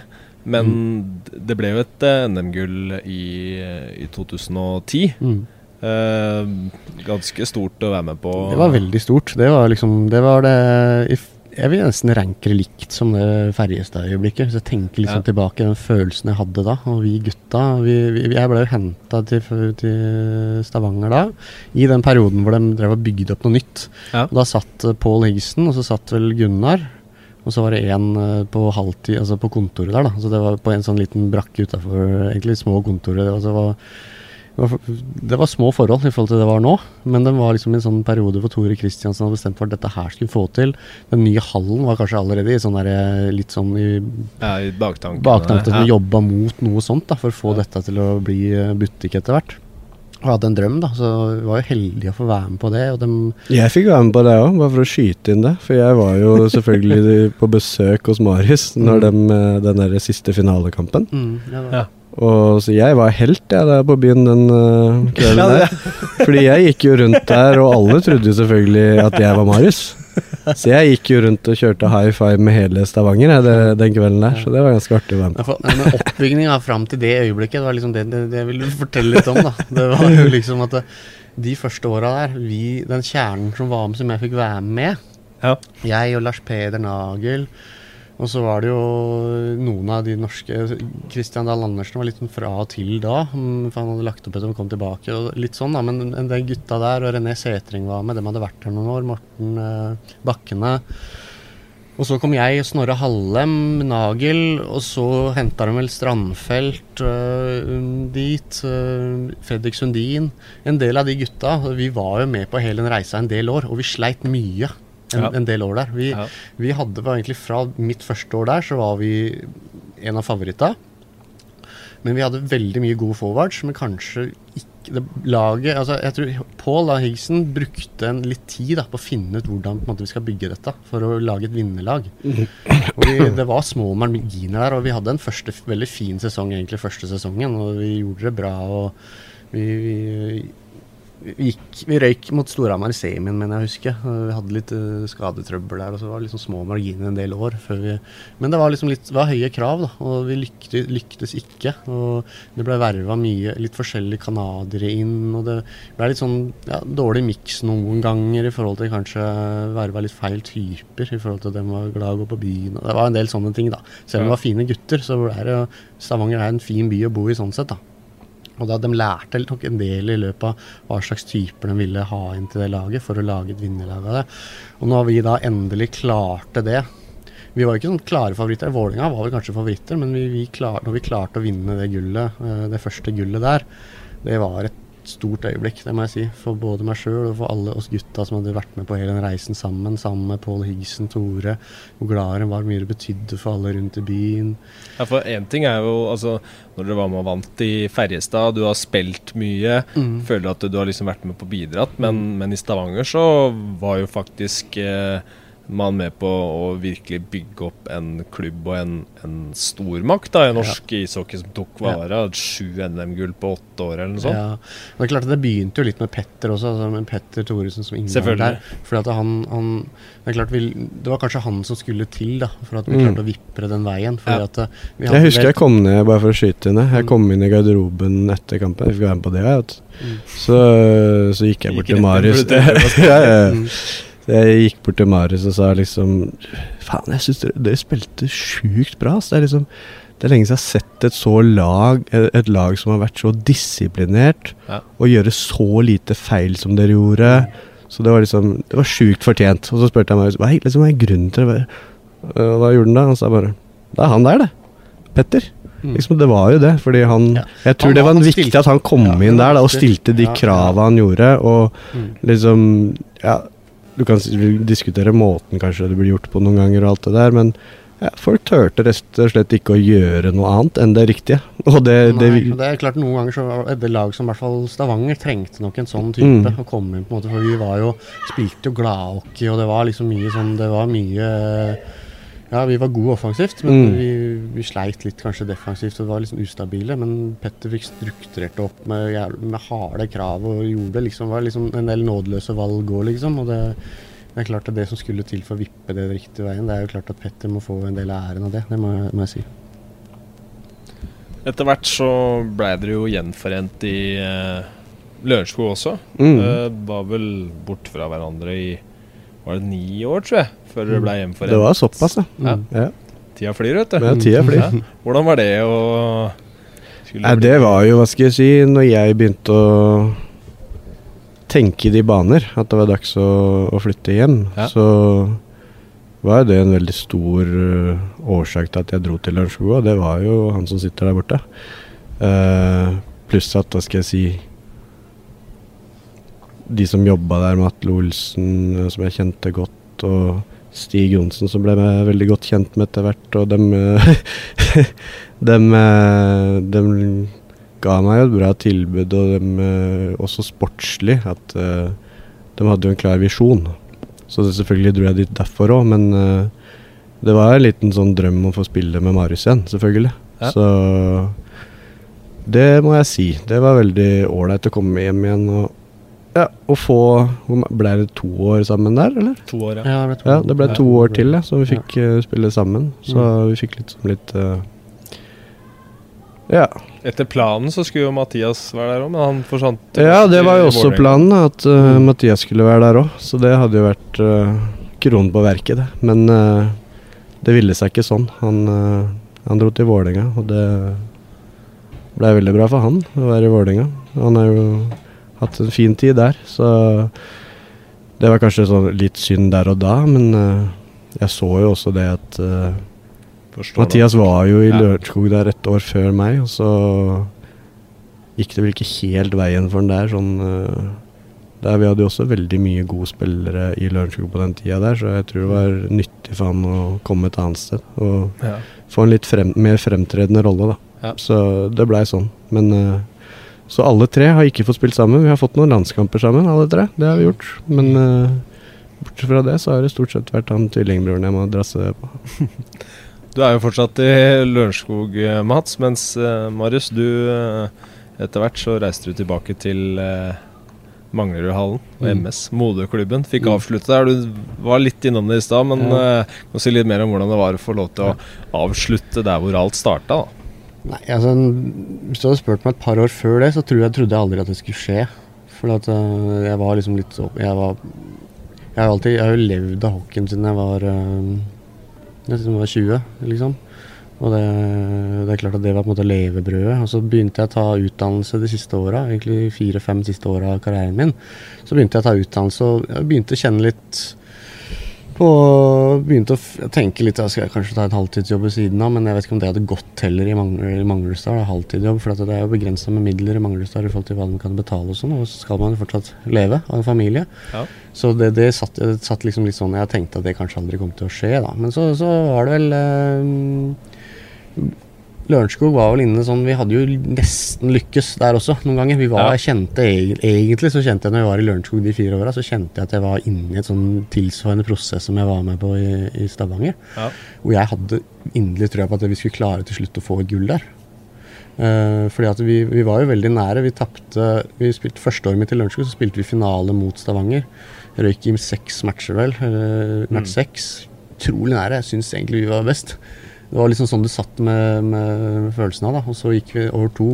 Gikk til semien. Samme der. Møtte, møtte vel eh, Møtte vel eh, Stavanger i semien. Ryker match seks på Sudden eller et eller annet sånt. Vi var veldig nære da. da Hadde vi tatt oss forbi den runden, så kanskje vi hadde hatt gullet. Så det var veldig små marginer noen år der. Men så blei det sånn trøblete fjerde år, hvor, eh, hvor vi fikk en litt sånn. Vi sleit Vi, vi var litt uheldige med skader òg, for så vidt, i det året. Mm. Var det da jeg kom dit? Ja, da, da var vi altså, Vi starta for så vidt året minus 20 poeng, da. Ja, det var det året der. Så det var liksom det, Det der- var liksom ikke drømmestarten. året der, da, og så Ja. hadde vi det med oss hele veien. Og så ville det seg ikke helt. Vi røyk faktisk i kvarten mot, uh, mot, mot Lillehammer. Og da var det litt sånn, da tror jeg de følte der borte på, på Selv om jeg følte at egentlig jeg hadde spilt god hockey og alt mulig, jeg også hadde egentlig fine år i, i Lørenskog. men, men, øh, men de følte vel at de trengte å gjøre noe. Jeg hadde utgående kontrakt. De følte at de trengte å gjøre noe rett og slett, for å markere litt at nå må vi prøve en ny vei. Og, det, og da diskuterte vi lenge, var liksom fram og tilbake våren der.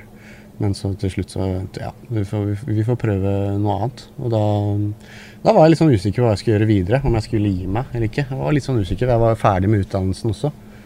Så um, så om jeg bare skulle begynne å jobbe, eller Men så følte jeg meg ikke helt klar, da. Altså, da begynte vi så vidt å prate litt. Jeg ringte vel Rune Malberg, og så begynte vi å prate litt om, om det, om veien videre. Så, jeg fikk ikke tenkt så veldig lenge på det før jeg kjente at det er riktig for meg nå. For nå blei det en Da ble det en jobb ved siden av. Jeg jobba fullt hele året og spilte hockey. Dro hit på trening klokka fem.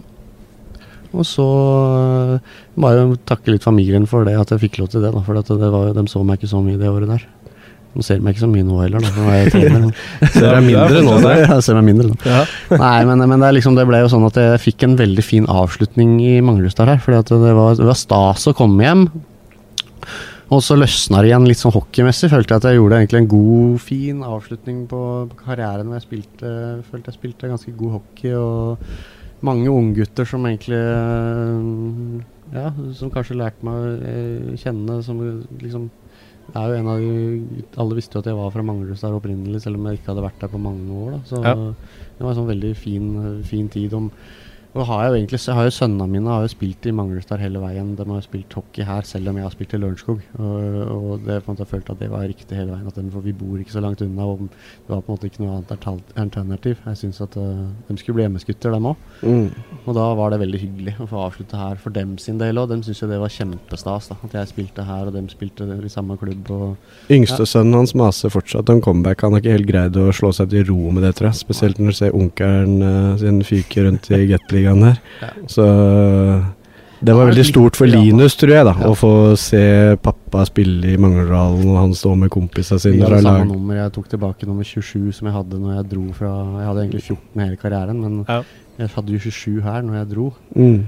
Fordi Det var litt sånn eh, nostalgisk. Ja, eh, så tok jeg tilbake det nummeret. Og så og Linus har jo alltid hatt nummer 27, og altså vi hadde samme, så det var liksom litt stas hele greia der. Ja. Litt sånn pussig sånn, litt sånn sidehistorie der. Det er hvorfor jeg valgte 27 en gang i tida. Jeg ville ha en nytenning, og da valgte jeg 27, for jeg syns at jeg digga jo Jeremy Ronick på Ja. Blackhawks. Han hadde 27. Ja. Og nå verva jo MS en ny spiller nå, og onkelen hans er Jeremy Ronick. Så det er litt sånn, det er litt sånn moro. Så du har spurt om uh, Nei, vi får se. autografer Se om han kan ordne noe. Eh, Mats, uh, som sagt, eller som alle vet, eh, du holder på ennå. Hvor, hvor lenge uh, har du planer om å holde på, eller er det sånn ett år av gangen? Ja, jeg har ikke Jeg greier ikke helt å ja, Jeg har ikke noen planer. Jeg har tatt ett år av gangen, egentlig. Og så lenge jeg har den gleden av det jeg driver med, så ser jeg ikke noen grunn til å bare gi meg fordi Ja, for det er normen, ikke sånn- normen sier at en 41-åring han skal ikke spille hockey. Nei, men det, er- Men det det blir sånn litt som en, hva skal jeg si, det har jo vært min bane i livet. Det er det her vi har uh, måtte levd for, og vi elsker det jo litt over gjennomsnittet. Ja. Så det blir jo til det, da. Det blir jo som en hvilken som helst annen. Kanskje andre jobber med ditt, jeg vet ikke hva folk Ja, folk jobber med alt mulig rart. Hva er det du jobber med, liksom? Du, jobber med, du kan kanskje ha lyst til å holde på med det her uh, i media i, i 30-40 år, du? Nei, jeg jeg Ikke sant? sitter med en mikrofon og later som jeg kan hockey. Ja, altså, nei, men det er akkurat det, så det blir jo litt akkurat samme for meg, da, at uh, så lenge jeg føler at det fungerer bra på isen, så, og at jeg har glede av det, og jeg, vei, jeg blir jo satt veldig pris på i gruppa også, sammen med alle disse unge gutta som jeg fyker rundt med, da, så jeg har en veldig stor glede av å komme til jobben hver eneste dag. Ja. Og derfor har jeg også vanskeligheter med å gi slipp på det. Jeg må bare ærlig innrømme det. Ja. Men uh, den dagen kommer jo snart, det er ikke noe å lure på det. Men uh, Kan det kan fort bli ja, en sesong til, da. Det kan det jo i hvert fall bli. Så jeg ikke, kan ikke si nå at jeg har bestemt meg for å gi meg etter denne sesongen her.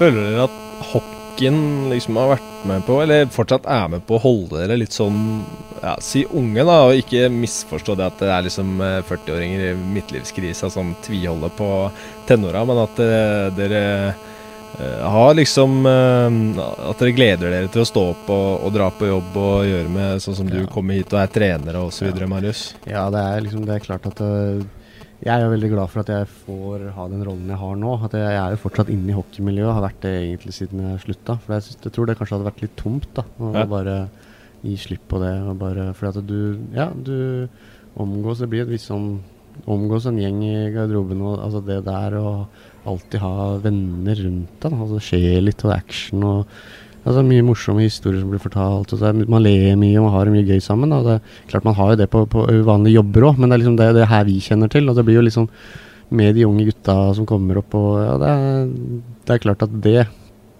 det er noe som kanskje er litt vanlig Det er det mange sier da altså når- de slutter. Altså de, de savner den biten der. Så øh, Nei, nå får jeg få lov å Heldigvis få lov å være Nå er jeg sammen med litt enda yngre gutter. Ja. Jeg er øh, fra 15 til, øh, 15 til 17 hver dag. Stort sett hver dag. Og får lov å dele litt av det jeg har lært opp igjennom. Altså jeg er jo inne i hockeymiljøet og får liksom være med på det køddet og sånn ennå. Og det, det er veldig ålreit. Hvordan er, eh, hvordan er du som trener? Liksom, hvordan filosofi? Hvordan er du med gruppa? Jeg er nok litt sånn jeg, Når jeg for, sier for fem-seks år siden, så var jeg kanskje litt usikker på om jeg uh, skulle bli trener. Ja. Det var jeg. Men, uh, men de siste åra så har jeg aldri vært sånn Jeg har aldri vært noe sånn Jeg har ikke vært noe klovn i garderoben og ikke prata så mye, liksom. Har vært litt sånn Jeg har holdt litt sånn laidback-profil, da. Men jeg, jeg har alltid vært litt sånn som har likt å si litt ting når ting trengs å sies, da. Hvis det er spillemøter og hvis det er litt kriser, og er litt sånn, så er det noen ganger jeg har hatt eh, som kanskje folk titter på meg Å, han har ikke snakka så mye, og så plutselig sier han så mye. Plutselig holder han noe sånt foredrag i kvart. kvarter Ja, jeg kjenner meg litt igjen i den. Hva skal jeg si. Vi Men- er jo men- vi er litt sånn, sånn personer jo- begge to, da. Ja. At vi liksom Når det begynner å brenne, så har jeg på en måte litt Og da sier jeg det. Da, Mm. Og det gjorde jeg litt MS de siste åra òg. At du blir jo litt sånn Du blir jo eldre og tør å si fra mer, og du tar litt den rollen. Og det er derfor det siste året har jeg kjent liksom Og så fikk jeg prøve litt det mens jeg faktisk spilte også. Så, så var jeg med og trente litt U16-laget her eh, samtidig i fjor og i forfjor og sånne ting. Og så fikk ordentlig sånn mersmak på det. For jeg har jo hatt mange trenere opp igjennom. Jeg har hatt mange gode trenere, og så har jeg hatt en del trenere hvor jeg syns liksom kan de ikke, uh, hvorfor skal de gjøre det så vanskelig? Altså, de, de Mm. prater jo ikke med folk, og de er liksom Nei. sånn konfliktsky. De sier ikke bare som det er. Og det har jeg føler jeg at der um, Jeg har liksom lært veldig mye underveis, og litt forma meg, så jeg tenkte om det hvordan jeg har lyst til å være. Og jeg har lyst til å være mye positiv. Jeg er veldig positiv av meg. Eh, veldig mye sånn der boksen, føler jeg. Den, det er kanskje den rollen jeg elsker mest. Det er den coaching-biten. Og jeg liksom prøver hele tida å forsterke gutta. Liksom, de har gjort noe bra. Sånn, bra, herlig, gjør det igjen. Ikke sant? Ja. Men så sier jeg også fra når, når, når på en måte, Jeg er ikke redd for det. Jeg har liksom kjent, jeg har tatt det for meg sjøl noen ganger at jeg kanskje ikke hadde trodd Kanskje folk blir litt sånn overraska at øh, jeg ble trener, fordi at jeg kanskje har vært litt sånn rolig av meg og sånn. Men når jeg blir veldig engasjert, da. Veldig engasjert som trener når vi er på is, når vi har treninger, når vi er i boksen. Øh, jeg vil vinne. Jeg kjenner liksom det der drivet, og jeg er ikke redd for å gi lyd fra meg. Både, både positivt og også si fra når det trengs. Da. Så Jeg, Jeg tror det er er riktig veldig sånn fin filosofi å ha, å ha da, at uh, stort sett tror jeg folk har godt av å få forsterka det positive de gjør. Og at du er en positiv sjel, og at du alltid backer opp. Også de gangene som kanskje ikke er så ofte, at du må inn og irettesette eller si fra at dette her er ikke bra. Da veier de orda litt mer, da, enn om du på en måte har Så, mer den andre inngangen at du skal kjefte, kjefte, kjefte. Til slutt går det bare inn et dør og ut det andre. mm. Ja. Så jeg tror det, det på en måte er en fin filosofi å ha som leder. At du prøver å være positiv i alle leger, men at uh, når du først uh, brummer litt, så brummer du ordentlig. Og da tror jeg de orda veier ganske mye mer enn om du står og brummer i tre ganger 20. Ser du for deg en, eh, en rolle som trener når du er ferdig, eller? Ja, jeg gjør kanskje det, men jeg Jeg tror ikke jeg ser for meg en rolle som uh, profesjonell A-lagstrener. Det tror jeg faktisk ikke. Det, jeg er kanskje litt ferdig med det livet også. At uh, man har jo flytta mye rundt, og hvis du skal gå inn for å være trener, så må du være forberedt på Det er ikke sånn at du blir trener i Manglerudstad, og så er du trener i 30 år. Nei. Da må du være forberedt på å flytte litt rundt og ta det som dukker opp. Så jeg, jeg tror jeg er kanskje litt ferdig med det livet der. Men det å kunne jobbe med yngre gutter og dele mine erfaringer og prøve å lage gode hockeyspillere, for å si det Ja. sånn, det, det er noe jeg absolutt uh, kan se for meg. Og det, det tror jeg også kan passe meg veldig godt, eh, mitt uh, lynne. da. At jeg på en måte er en som ja, kommer veldig godt overens med de fleste, egentlig, og har et ganske behagelig vesen, tror jeg. Det tror jeg Ja, det tror jeg gutta Hvis du spør gutta som Marius er på U18-laget sitt, så tror jeg at uh, de setter veldig pris på han fordi han er som han er. Da. At han uh, Jeg tror alle føler seg ganske er komfortable og føler at de får lov til å prøve og feile, og at de får lov å gjøre feil. At de utvikles på den måten der, da. Eh, og det tror jeg er veldig viktig i ungdomshockeyen. At eh, folk får lov til å utfolde seg og finne sin vei. Du skal selvfølgelig bli guida, men eh, du må ikke være redd for å gjøre feil. Du skal prøve å dra en dragning, og du skal prøve å For den eneste måten du kan få den selvtilliten til å kunne gjøre og bli en god hockeyspiller, er å prøve og feile. Og det, det skal folk få lov til. Hva tenker du, Marius? Har du sett for deg en trenerrolle sånn i eliten, eller eh, trives du godt med å jobbe med unger og, og eller yngre spillere, og, og er, holder deg der inntil videre? Ja, det er klart at man veit aldri hva som skjer framover. Uh, Det er vel karrierene karrieren deres eh, godt ja, for jeg har liksom eksempel på. veldig sånn ten, Jeg har fått veldig sånn Jeg ble veldig glad i trenerveien, egentlig. Ja. Men samtidig, litt som Mats, da, så har jeg flytta veldig mye rundt. Og jeg, jeg har liksom ikke sett for meg For det, er jo litt sånn Hvis du går inn all out, all in da, for å bli eh, Gateliga-trener eller på det nivået, så, så må man være forberedt på å flytte. Og da blir det på en måte det samme livet du har levd. Og det er litt derfor jeg kanskje jeg tok den utdannelsen jeg gjorde. Jeg, nå har jeg vanlig kontorjobb ved siden av, trygge rammer og øh, og så har jeg det her på en måte krydderet på sida, da. Som, det trives jeg veldig bra med nå. Det, det, jeg er veldig glad for at jeg har det her på sida, for da får jeg liksom Ja, vi får levd ut litt øh, Fortsatt leve litt i den drømmen. øh, og Ja. det, ja, den kjærligheten da, for, for sporten. Fortsatt. Så, men du veit aldri hvem vei, vei det går. Det vil man aldri hvis plutselig står det noen der, og vi har deg som hovedtrener et eller annet sted. Så, men, men det kanskje Så er gutta dine er jo Ja, yngstemann eh, er jo litt yngre, men eh, Du vet aldri hva som skjer når de Blir større, voksne og større. større, da. Og da står du der og kanskje, kanskje du blir sugen, du veit aldri. Men eh, jeg skjønner godt uh, at Marius er fornøyd med tilværelsen sånn den er nå. Han får uh, ha en bra jobb, og så får han også fortsatt beholde litt av det Leke han litt. har, Ja, leke litt, rett og slett. Mm.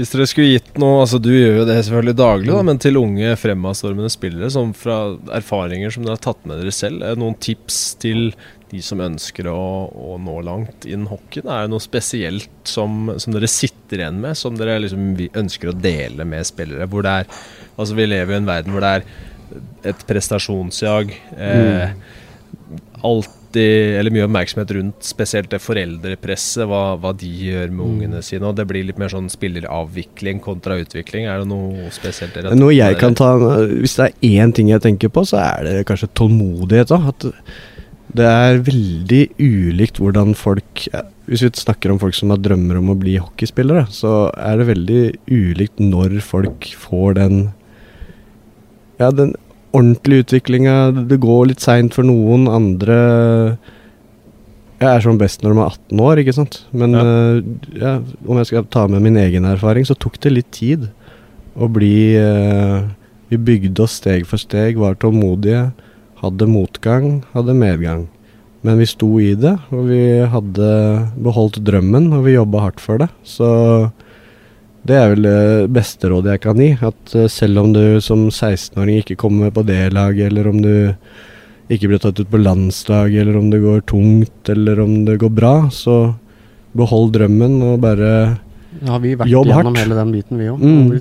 Ja, vi har det, fordi det sånn- kan se ut som Ja, på min karriere, hvis du ser tilbake, så hvis du ser på eliteprospekt, så ser det kanskje veldig flott og fint ut, men jeg har også hatt mine nedturer. Jeg har eh, liksom Jeg har blitt benka, jeg har blitt sendt, sendt i dusjen. Har liksom, du har vært gjennom alle de der læringsprosessene, men du har aldri gitt opp allikevel. Og du har eh, sakte, men sikkert blitt uh, sikker på det du driver med, og blitt uh, trygg, så, så blir det liksom uh, Så går det som regel bra til slutt. Mm. Noe du vil tilføye, Marius? Ja, det er jo I tillegg til det, da, så er det jo som er veldig eh, det er ekstremt viktig, så er det jo det også i den alderen, da, eh, 15-16-17, hvor det skjer veldig mye annet.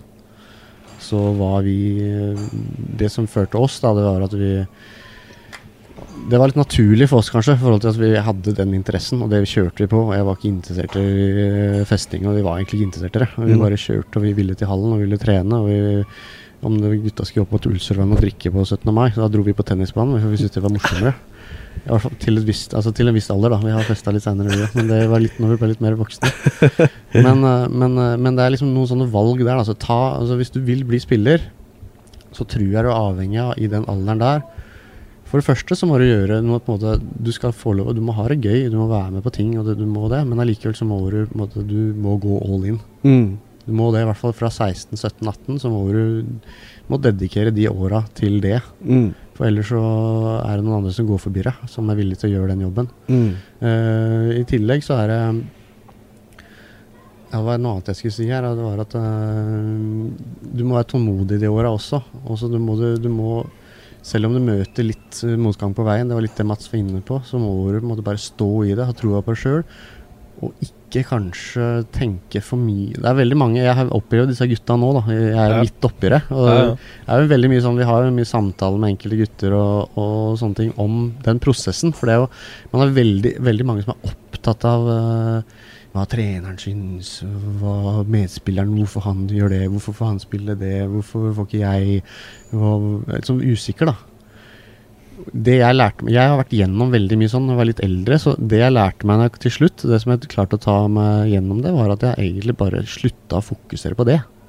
Jeg tenkte som så Hva han treneren tenker, hva han spilleren tenker, det får ikke jeg gjort noe mer i hele tatt. Jeg, det, altså jeg får ikke påvirka det. Eneste jeg får påvirke, er hva jeg gjør sjøl.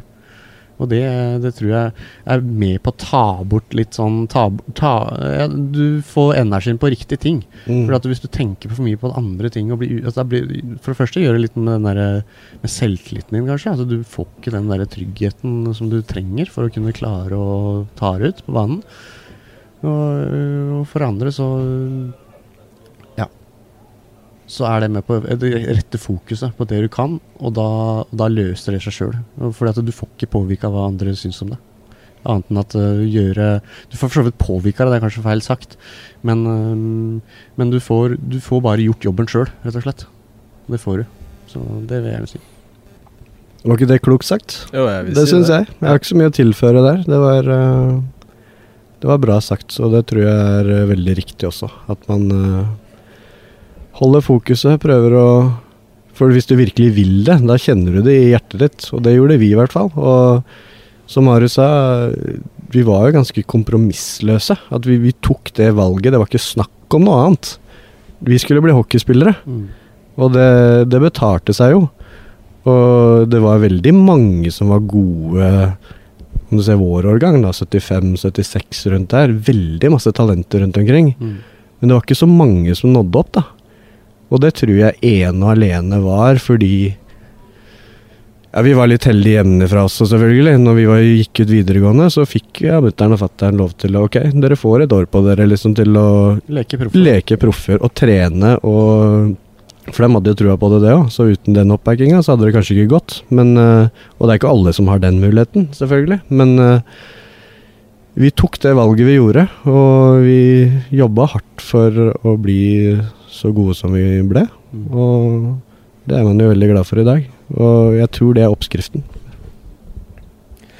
Ja, Det er eh, kloke ord, gutter. Jeg har ikke vært med på det dere har eh, vært med på, så det her veit dere mye bedre enn meg. Men uh, i hvert fall tusen hjertelig takk for at dere tok dere tid til å være med på podkasten. Ja, Det var veldig hyggelig. Det var hyggelig å få mimra litt. Rann, ja, jeg syns det var hyggelig at Marius fikk være med på det her òg. Jeg syns han fortjener å få litt honnør for alt han har fått til. Jeg syns Om jeg skal få si det, da, så har det jo vært kanskje mye fokus på Mats Trygg, Mats Trygg, men Marius har faktisk uh, vært med på denne reisa og fått til veldig mye bra, han også, så kanskje jeg har vært litt stille her i dag. Jeg syns Marius fortjente å få dele alle sine tanker om uh, dette her og få høre hans historie. Det var interessant for meg å høre på også.